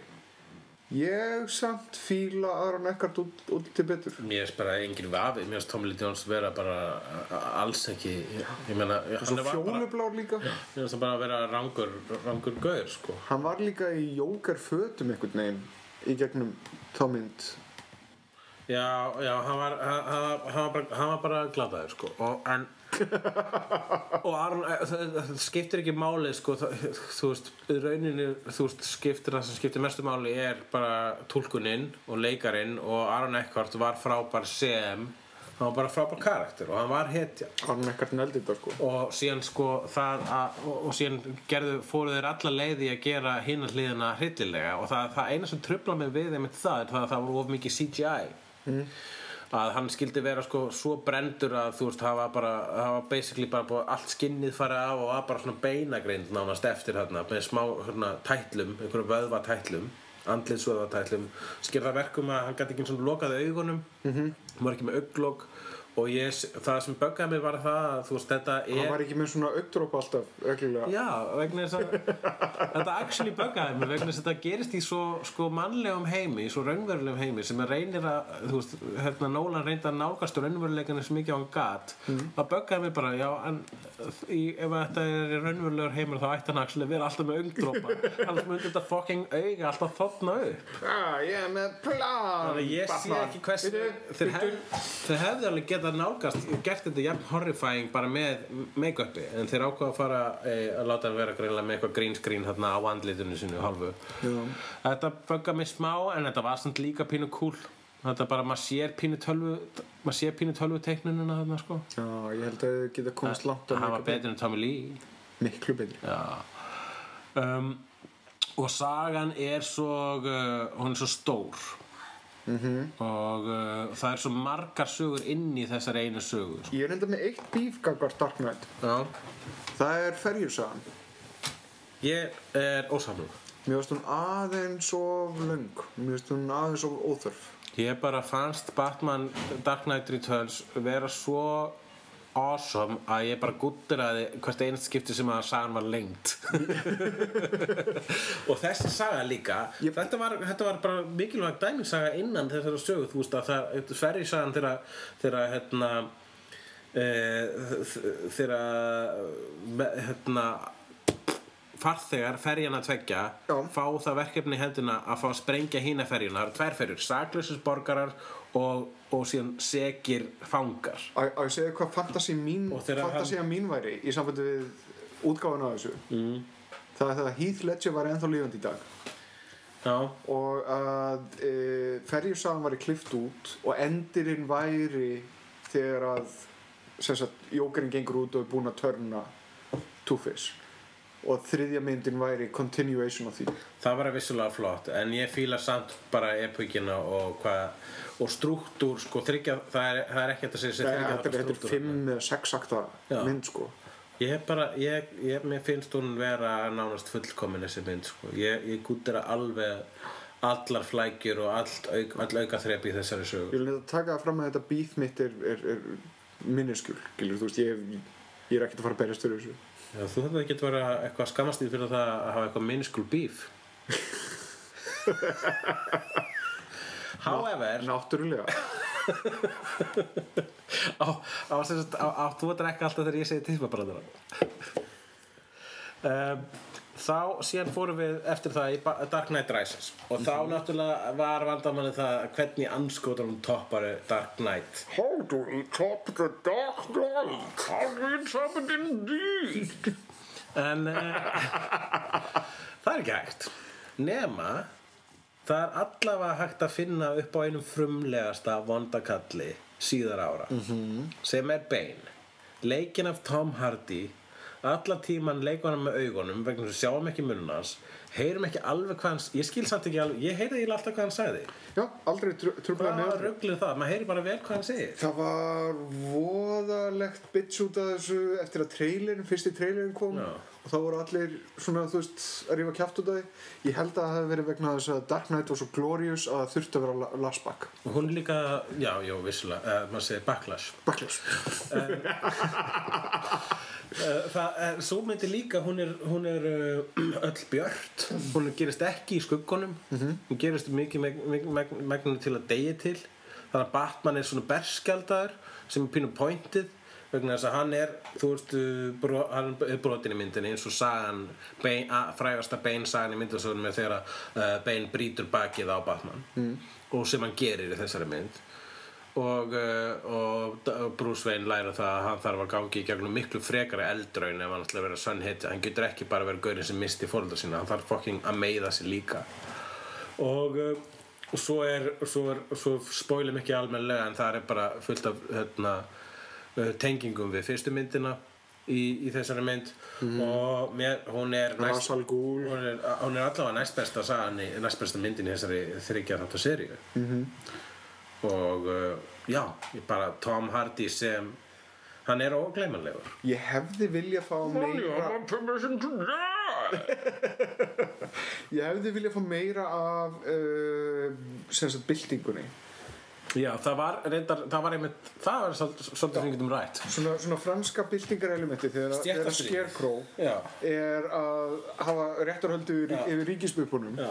það er gæðvegt augnablík og ég vildi óska að það væri meira af því það, já, já ég skal alveg, ég skal alveg kaupa það það var alltaf, það var það er einhver cut-off punktur þarna það sem að, það sem að hérna, Catwoman kemur aftur í bæinn og Bruce Wayne hittir hérna á einhvern svona einangrum stað sem er aðeins og hendugt það er svona Anne Hathaway, hún fekk sama hérna, shit og, og Michael Keaton og Heath Ledger, fólk bara hún er ekki kattakonan. Mm -hmm. Akkur er mótmæli fólk alltaf leikurum áður en sér þá leika það? Þetta eru leikarar. Já, þeim er raunverulega borga fyrir það að þykjast fyrir aðrir en þeir eru. Þeir eru raunverulega borga fyrir þegar hann líka skipta um hlutverk og vera kannski oft öðruvísi heldur voru síðustu mynd.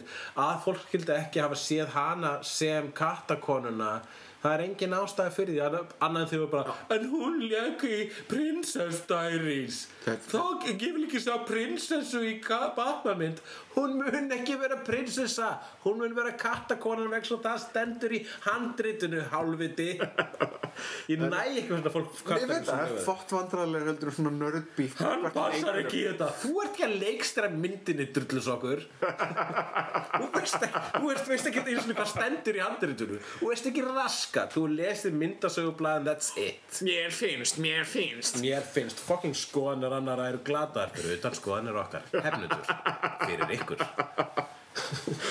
En já, Anne Hathaway, mér finnst hún frábær. Hún var frábær.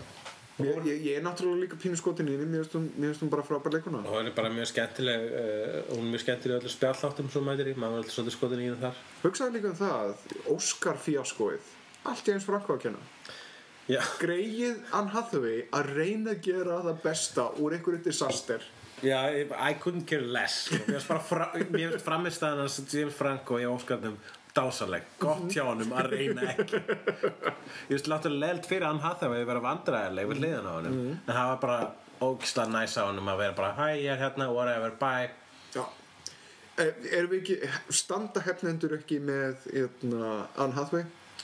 uh, Jú, að sjálfsögðu Jú. Já, það kom skýrt Húra fyrir Hathaway. Húra fyrir Hathaway. Og þá vorum við basically búin að covera hérna, þessara myndaröð. En fyrst að ég myndist á Batman Animated Series þá hefur þá hefur reglulega komið það hafi verið öruglega tíu mismunandi Batman teiknumyndaserjur mm. og þá er að þessi animated, Batman Animated ég heldur hún heitir bara Batman The Animated Series hún er best en ég myndi segja að næst best var ein af nýlegustu seríunum sem heitir Batman 2. Brave and the Bold Já. sem að er Camp Batman sem er það sem að hérna, hatarar og elskarar kalla brosandi Batman Já, hún, hún, hann er að skemmta sér. Já, Batman sem er svona Hæ krakkar, ég er komin til að berga málunum. Og the Bold að var mjög the Bold Brave, Brave og Bold seria að fara ekki darkleiðina Þeir fara í ljósulitina og þeir, eh, svo mynd svo, svo tekmyndaserja einbeitir sér mikið af því að em, að hérna að það taka fyrir vondukalla sem þú var aldrei heyrt um meðlan svona Calendarman og, og svo er alltaf sko, þetta er alltaf hérna uh, þetta er alltaf hérna team up, þannig að teamar upp við Black Canary eða eða Green Arrow eða eitthvað. Þetta er náttúrulega vísun í DC titil frá sem byrjaði Já. sem sagt í á sjöunda áratögnum og held áfram í gegnum áttunda og, náttúrulega, og, ég, ég ætla að lesa hérna uh, fá mér sopið og sagði náttúrulega og hérna þar sem að hann einmitt var í svona team up dæmi. Já, þarna voru Owlman og uh, uh, uh, það er nefnilega svolítið þakklátt að fá hann Batman. Captain Atom, Bronze Tiger Booster Gold, Blue Beetle var þarna. Já, fá Batman í, í, í, í stuði með einhverjum öðrum overhitjum Deadman, Creeper, The Demon. Ok, Þetta var, var svona karakter sem hún glemtir að vera til. Dr. Fate uh, og, og Flash var þarna líka. Green Arrow, Green Lantern náttúrulega og Guy Gardner. Uh, og, og svo Huntress og Jonah Hex var meira svo þarna Jonah Hex Jonah Hex? Já, eins og Batman sko fór alveg aftur í tíman þarna hann fór út í geiminn það voru engin takmark Þetta Bara var flakkeri. Þetta var bara teikni mynda Batman Ég er búinn að horfa á eitt þátt af the Bold uh, og þar hitt hann Blue Beetle og þeir enduði í einhverju geimaðundir saman. Besti, besta tímapið í Bravandi Bold er uh, Aquaman það sem að einmitt, uh, við félag okkur til Maggi og tala fyrir Aquaman og það er ógeðslega kamp og fyndið og með þetta reyndar fyrir utan kannski Batmite sem er svona hérna, uh, lítill púki úr annari vitt sem að klæða sig upp eins og Batman Sem er reyndar í einn af okkar uppáhaldsbók. Við eigum báðir sameiginlega að einn af okkar uppáhalds Batman-bókum er annað bindi af The Greatest Batman Stories Ever Told. Já, það er, það er, það er, mín, það er svona mín klassiska þekking á, á Batman kemur út Já. þeirra, þeirra bók Þetta er einn fullkomni primer, skilju. Það er Man-Bat, það er Batmite, það er... Man-Bat er einn af minnum ég það er óvinnur Batman sem ég fíla og hann er svo sannlega speilmynd af Batman Mér er þess að saga hérna það sem að Batman er í Superman-búningi. Já, akkurat þegar hann er hérna tínubúningu sinni og þarf að fara í súlmanbúning mm Mhm. -hmm. Eru, vistu hvað tala fyrir Batman í Batman Breiðandi Bóld? Nei, Dietrich Bader, vistu hvað það er? nei. Hann er leikari sem leik meðal annars í Napoleon Dynamite, The Drew Carey Show og uh, uh, Office Space hann er nágrann í Office Space og sagði Two girls at the same time Er það ságauð? Já, hann talar fyrir Batman og hann er frábær Hann er frábær sem Batman Snilt! Já. Þetta er enda kallar á eina hefnendarspurningu. Mhm. Do you think the ghost of Dirk Richter hunts the bordello where his bullet-riddled body was found? Ok Ég, ég, ég bara er alltaf heimskur Hvað þýðir þessi spurning? Og þetta er frá hverjum? Þetta er frá Gunnari Hrafni. Já Hann er náttúrulega Takk Gunnar Hrapp fyrir þessa frábæru spurningu Þetta er Simpson quote. Þetta, Ok. er, þetta er úr hérna Three Men in a Comic eða eitthvað líka, ég man ekki hvað þátturinn heitir. Uh, hérna sem sagt Radioactive Men Mhm. það er einhvers konar panel þar sem að Bart Simpson spyr spurning. Og hann spyr eina flóknustu spurningum og þetta er nákvæmlega spurningin. Og þá er hann að vísa í uh, svipað eins og Adam West-þættinu voru. Að, að Radioactive Man var með einhver svona, svona svartkvíta þætti.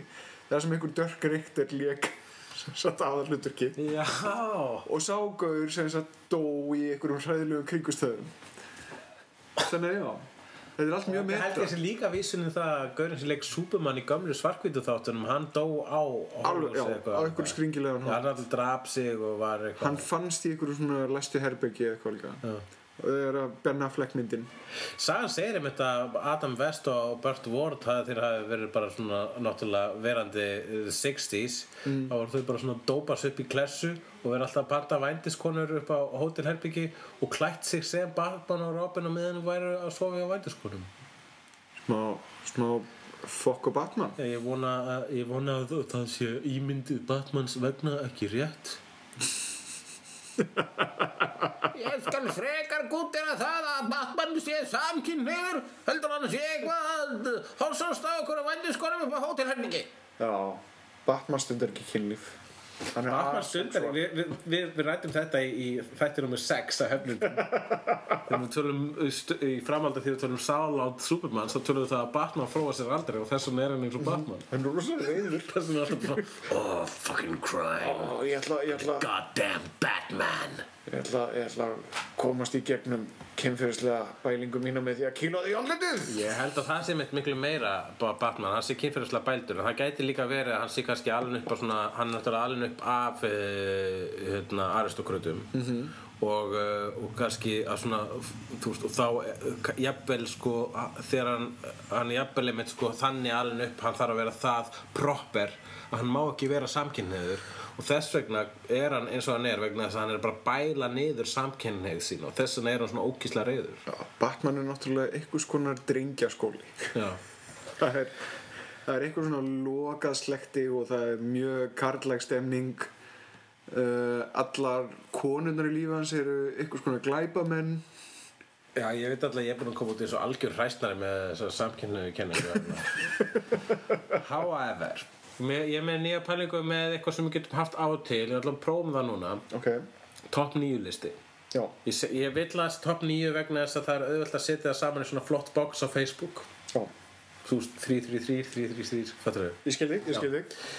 Og uh, við ætlum samt ekki að fara í einhver svona specific röð. Nei, engi, eh, nei, þetta eru bara nýju bestu Batman sögurnar að mati uh, hefnenda.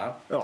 Og ég vil að þú nefnir fyrstu uh, fyrsta Batman-sagan sem að mér þykir virkilega væntum það er í Greatest Batman Stories ever told þá er saga nummer tvö þar What?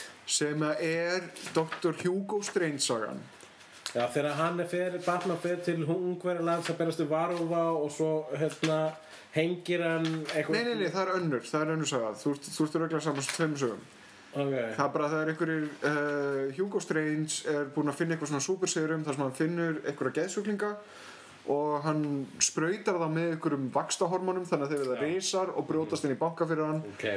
Og hann ræðist á þá hann Batman til þess að stöðva þá og hann grípur einn af þessum reysum sem eru já, þeir viti ekki þennan heim í annan. Já, og meðal annars þá hengir hann sem sagt einn af þessum risum með Ok. stálkapli með, með batpleininu sínu. Ok. Þetta er, er geðveik saga. Mér finnst þetta bara, bara briljant saga. Ég ætla að minnast á hana fyrst. Finnst það alveg bara panelin briljant þegar að Batman hengir risa. Ég veit það. Þannig finnst þessi saga frábær út af þessum eina ramma. Ég, ég, ég, og ástæðan fyrir því ég ég fíla þessa sögu er það að þetta breytti svolítið minni sín á Batman. Já. þetta gerði hann miklu hættulegri og svona meira dark. Þegar ég les þessu sögu hugsaði ég bara að fólk var svolítið svona á villigutum með það þegar það var að skrifa Batman fyrst. Þetta er, er brútal saga, þetta er fín saga. Já, ok, ég ætla að vera bara mjög augljós og segja Batman Dark Knight Returns. Einn besta Batman saga sem við erum skrifið Halló, Ok, Dark Knight Returns er eins og við sagðum, við höfum þurfum ekki að nefna aftur en hún er náttúrulega ein af þeim bestu ef ekki svo besta. Ef ekki, hún er svo besta. Ég held, það, það er alveg pottitt held ég að hún sé besta. Ekki það að þetta sé einhver röð. Nei. En hvað segir þú þá?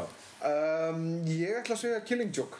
Killing Joke. Þarna er endar ákveðið þema í gangi vegna þess að endirinn á Killing Joke og spoilers warning hérna okkur núna. Uh, Það er debat í gangi um það hvort að síðasti rammin í Killing Joke fjallum það að, að, að, Batman sé að myrða Jókerinn Það er til uh, uh, ljósið af handriti þar sem að kemur basically fram að Batman kirkir Jokerinn í login Það er svona mjög óljóst, er það ekki? Nei, hinn áttuna Hann, hann, hann, hann- þetta er, þetta er, Að Jokerinn- þetta er nefnilega debatpunktur. Þetta í handriti þá er ekki tekið fram sérstaklega. Nei, Þetta er túlkun frá hvað, var það Bolland Brian Bollard, já, teiknari. Bollard. Já. Hérna, uh, þá er þetta túlkun frá honum í, í myndstíl, sko. Frekar heldur en Alan Moore hafi specifíkli sagt Já, það. það, meika miklu meira sens og líka það, það að það sé uh, óljóst í lokin það er bara það sem gerir söguna En þetta er líka túlkun Grant Morrison í Fatman and Batman, Fatman and Batman þætti. Fatman og Batman er sem sé hérna uh, podcast sem Kevin Smith er með á, á, á podcast síðinu sinni og allir sem að fíla Batman ég mæli með þessu podcasti Frábær þetta er besta Batman podcast ever og sérstaklega samræður hans við uh, Grant Morrison. Já, það, ég held að þessu tveir að þrý þættir. Jú, hann, og þeir eru allir stórkostlegir. Það reyndar líka þegar hann tala við Adam West en þegar hann tala við Mark Hamill það er líka dásalegt. En Grant Morrison túlkar nákvæmlega þennan samaramma á samanhátt og ég túlkan að Batman hafi bara raunverulega gefist upp á því að díla við þetta shit frá sem jóker og dreipið hann. Já, það er pínu, það er pínu, það er allavega að leika sér þessum mörgum vegna þess að Batman allavega, þú veist, það er eins og Jokerinn að, í þessari bók að reyna að fremja það hróttanlegan glæp hann er að reyna að fá Batman til að drepa sig. -hmm. vegna þess að og, og það sem að Batman segir mér þess að byrja, hann, hann byrja þarna að hitt Jokerinn á fundi í, uh, í, í fangaklefa og segja en við getum ekki gert þetta lengur. Við getum ekki verið að dansa hann að dansa eilifu annar okkar mun deyja. Þetta verður að hætta. Og síðan uh, síðan fer hún og setna mér fremur djókurinn uh, hróttalegasta glæp sem hann hefur framið í myndasögunum alla hinga til þegar þessi saga skrifuð. Og og þar að leiðandi kemur um fyrir endurinn nálgast það að eh, ná, nálgast rauninni þessa laust að annar dreipur hinn en án þess að segja áhörundum hvort gerist sem er reyndar nöðsælið fyrir söguna vegna þess að ef að annar hefði dáið í lóksögunar þá hefði það verið slæmur endur, það er miklu betra að skilja áhörundur uh, lesendur eftir lausu lofti sérstaklega þegar kemur af ofuriti myndasögum Algjörlega, þetta er eftir Alan Moore og Brian Bollard. Hún er frábær uh, þá er það náttúrulega Batman Year One sem er uh, dásaleg Batman Year One er sko svo saga sem að þú jafnvel sko sem að contendar við Bat Dark Knight Returns. Hvað mikið, Batman Year One er eftir uh, Frank Miller og teiknuð af David Mazzucchelli sem er tveimur setum og tveimur séum og tveimur ellum í eftirnafninu sínum. Frank Miller er náttúrulega fullkomin Batman höfundur vegna þess að hann er svo mikil fasisti inn við skinnið sko. Já, Frank Miller er pínu fasist inn við skinnið og hann áttar sig á því einmitt, að Batman er pínu fasist inn við skinnið. Hann er maðurinn sem að refsar glæpamönnum þegar lögin náða ekki til þeirra. Hann er allt annað en bleeding heart. Og uh, hann er líka mjög einhvern veginn, hann skiptir hlutunum mjög mikið í svart og hvítt. En hann gerir það samt á, á eitthvað svona realískan hátt og hann svona áttar sig á því að fólk er fólk á sama tíma. Það sem gerir hann að compelling höfundi sem hann er reyndar ekki mikið lengur í dag samanbæri nýlegustu Batman söguna sem hann skrifaði sem heitir Holy Terror sem var svo, svo, um, svo hróttaleg og svo, með svo vafa saman skoðanir á uh, uh, stríðinu gegn hriðverkum að DC guttir að hann ekki sem Batman sögu og hann var að skrifa hana sem einhverja aðra, aðra ofriðtu sögu en þetta er augljóslega hann, Batman saga hann bókstaflega skrifaði sögu þar sem að Batman drepur hriðiverkamenn miskunarlust bóstalega skrifaði sögu það sem 9-11 á sér stað í Gotham. Já, og svo lókum fyrr á Batman í eitthvað svona muslima hof og berst við muslima já, þú ert búin að lesa þessu bók. Ég á eftir að lesa með er það svakaleg. Maður veit ekki, maður veit ekki alveg hvað maður á að halda. En eh, náttúrulega artverkið hans eh, artverkið hans Frankminn er frábært í þessu og það er líka bara gaman að því hvað hann er orðin klikkaður sko. það er fáið sem að tekna ég að fallega línu sko uh, mér langar að minnast á hérna aðra Batman sögu Biti, biti, biti, ég á, ég á núna já, ok, við erum, já, ok Erum við ekki að skiptast á við Við það? erum svo sem að gera það en ég bara, ég vil ekki að sumar sögur hérna verði út undan og ég er svo sættur um að þú velur eitthvað drasl. Nei, nei, ok, ég skal, ég skal uh, bara velja eina og þú mátt eiginlega eiga rest Ok.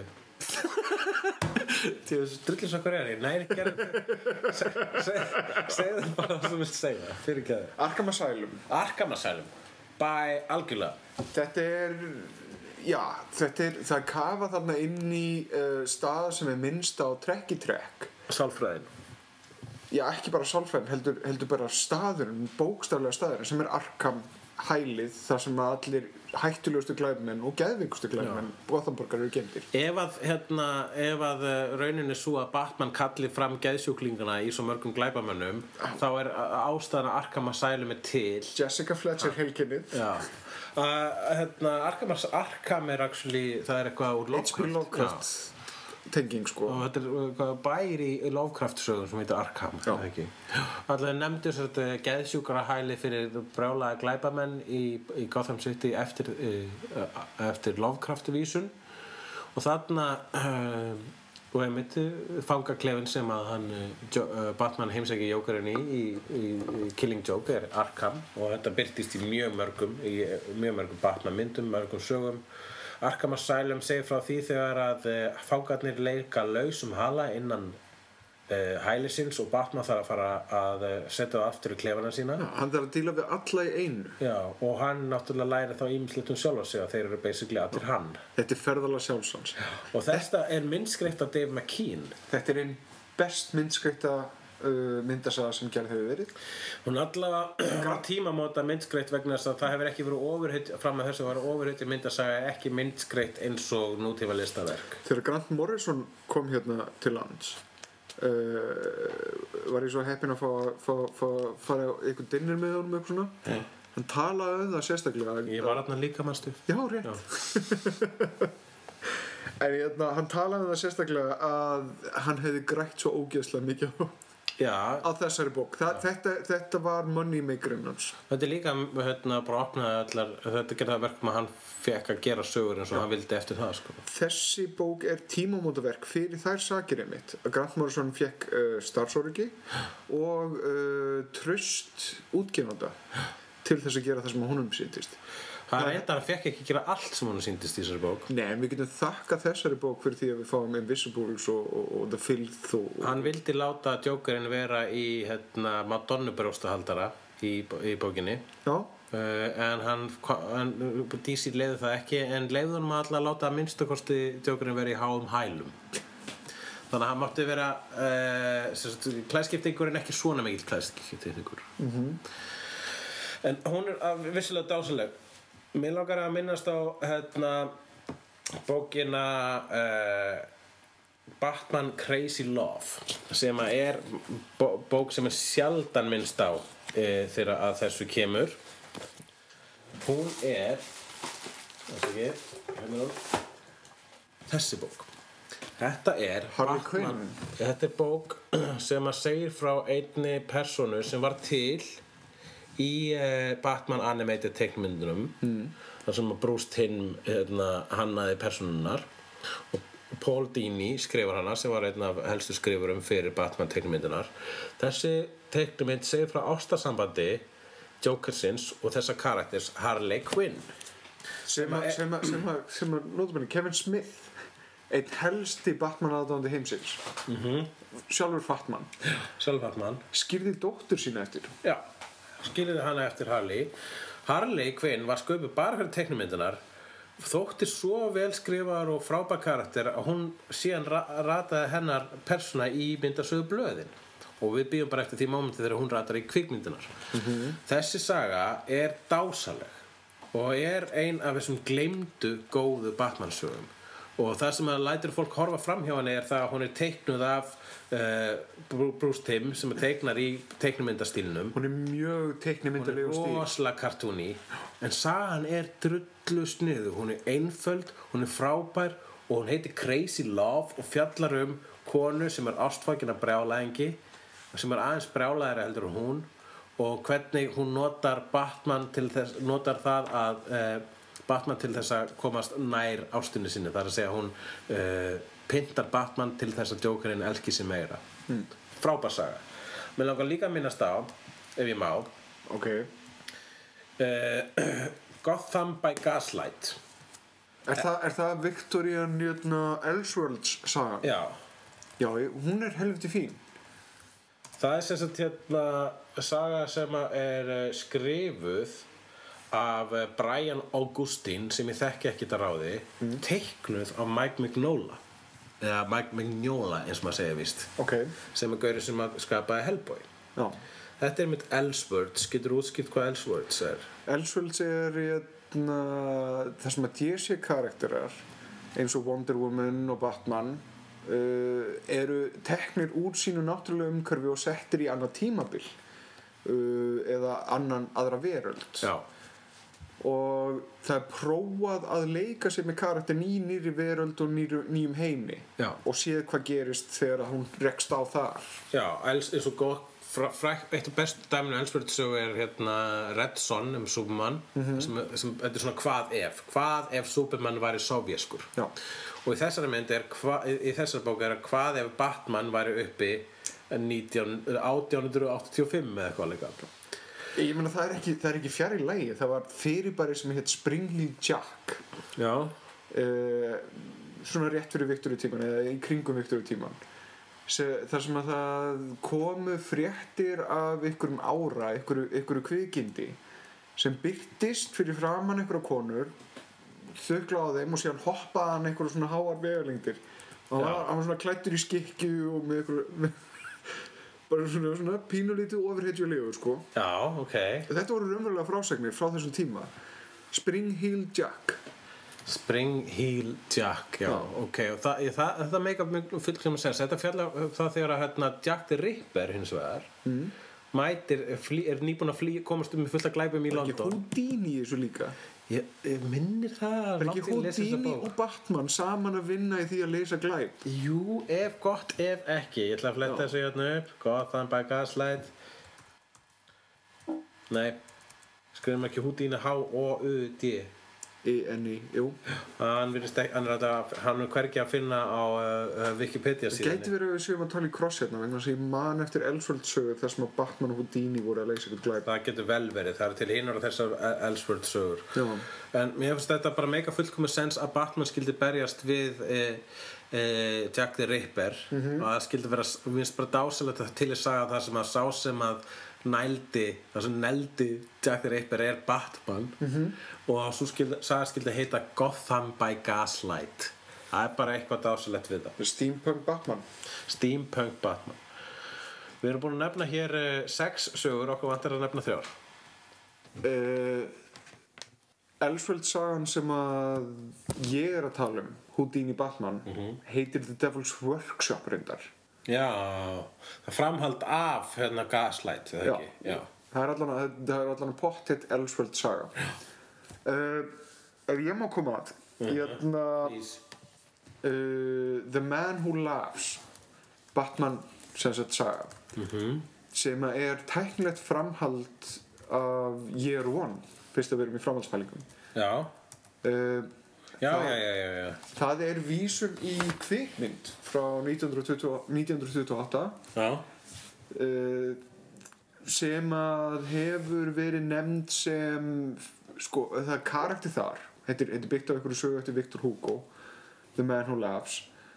Og það er karakter þar sem að var fyrirmyndin að útlítinu á jókarnum Gaur sem er svona óþægilega stóran munn og, og brosir skringilega mikið. akkurat. Já, ég man eftir ég heyrði um þetta. Þannig að sagan sjálf er vísun í þessa kvikmynd. Og þetta er svona nýtt, svona, ný, nýtt teika á uppruna uh, Jókersins í þessu. Ég eftir að lesa þessa bók, með alltaf langar til að lesa hana hún er alveg drullu fín. Brúbækki skrifar Brúbeker, hann kann þetta.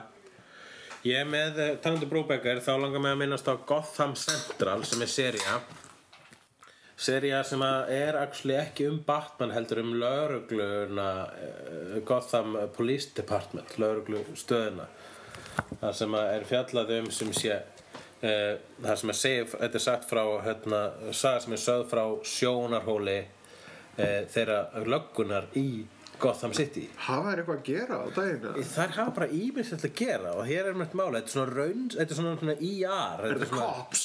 Þetta er ekki, þetta er ekki svona, raun, svona leiðilegum white trash lögum er sem er að börsta eitthvað heimilisofbildi með, með white, white trash fólks heldur um, uh, wow, hvað ég mikill mannhættari? Það sprettur Ég- það kemur alltaf með kemur eitthvað í alltaf hver skipti sem að þú hatar menn. Já, gerða, þá þá þá þetta bara að þamba. Uh, En þá, hérna þetta er rosa flott saga, er svona mannleg. Hér er verið að, þetta, hún er mjög hún er svolítið svona kallast á við The Batman Year One. Já. og eins og sér hérna á teiknistílnum sem er eh, Michael Lark nokkur sem teiknar þetta. Já, þetta er- þetta er þetta rosalega mikið eins og í Batman Year One. Þetta er svona alvör þetta Það er er mikið, mikið skuggar, einfaldar línur.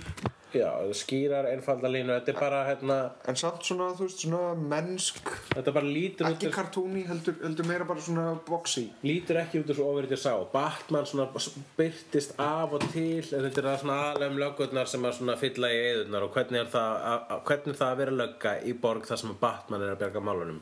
Mæli Grunar það reynda sterklega við þurfum að taka fyrir uh, væntingur okkar gagvart Gotham. Já, hvernig er það? Nú er nú, það, einmitt, gott það með pínu það, það er svona, og hvað er bæðið það í máli með sjóastætti sem fjalla um Batman en samt er ekkert með Batman eins og Birds of Prey? Já.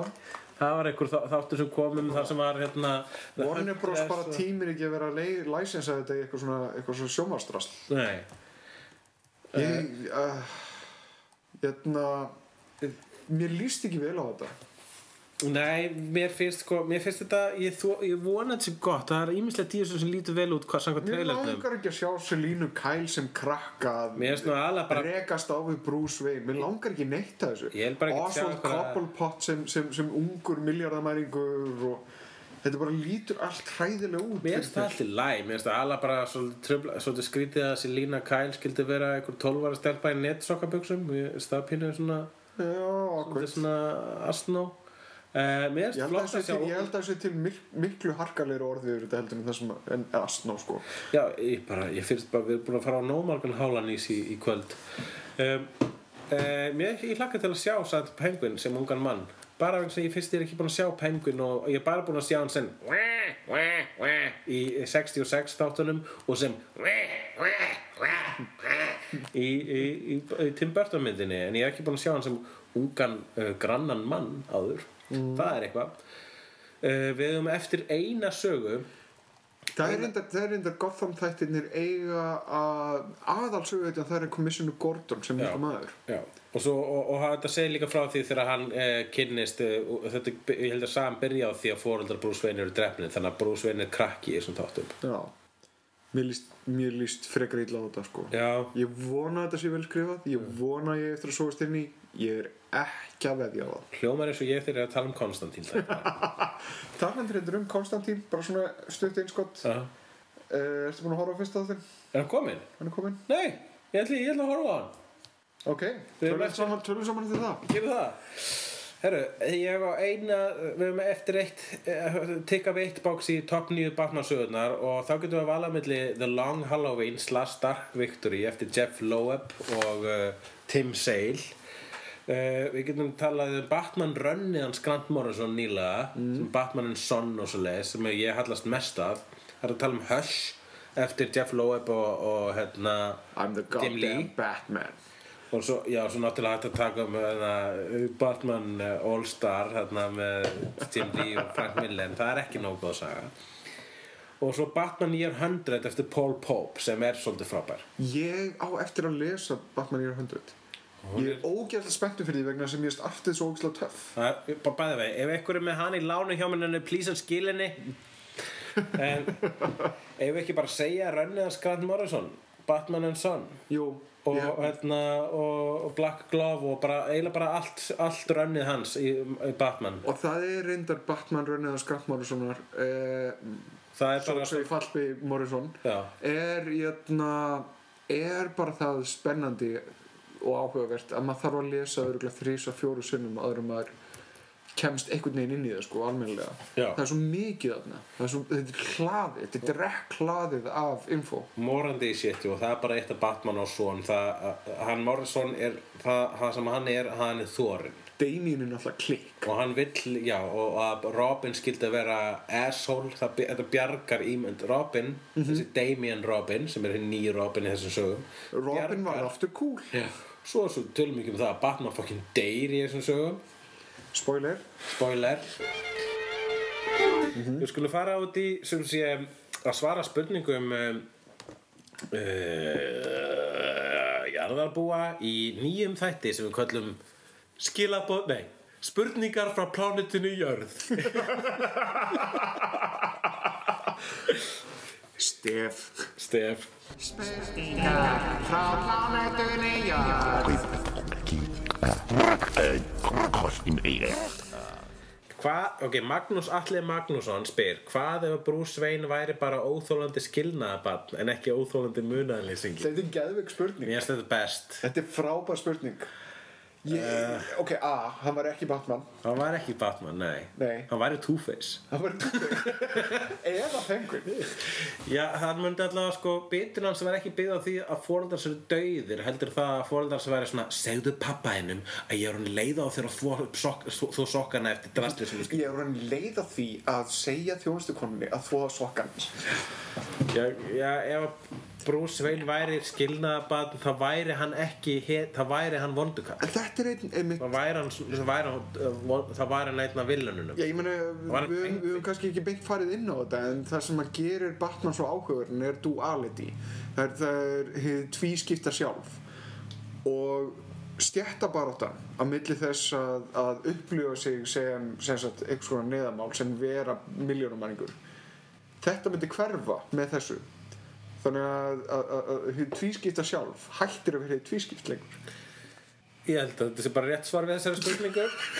Uh, Hvort myndi þið freka vilja fara til Batman í Tyrklandi eða Batman í Íran? Spyr Gunnjón Gestsson. Uh, Þetta er greinlega staðarheiti í Tyrklandi eða Íran. Ég vil fara til Tyrklands frekar heldur en Íran þannig ég ætla að pa- pottet Þá erum við búin að svara henni.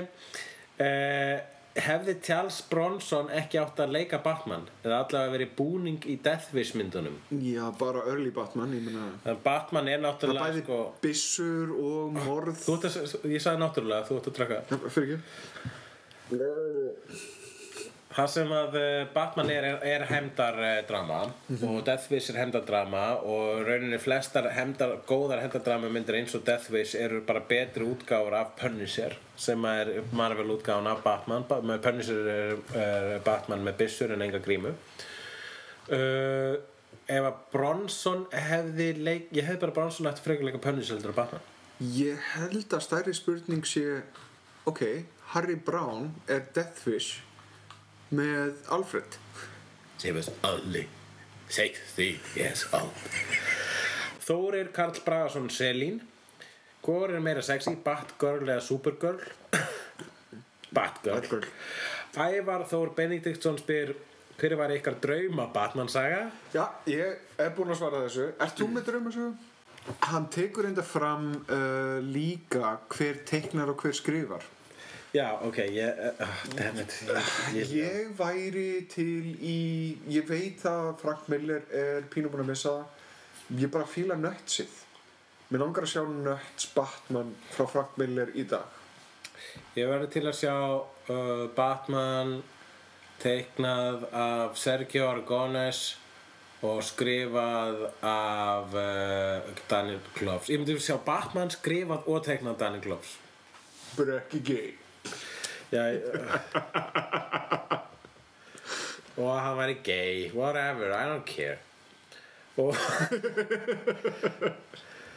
er, getur Batman ekki bara verið bæ er það ekki bara niðurstaðan Ok, það er fínt Batman er bæ. Ég skal alveg samt ekki það ok, bye Na na na na na na na na Hefnundur Na na na na na na Hefnundur Na na na na na na Hefnundur Na na na na na Hefnundur Hefnundur Hefnundur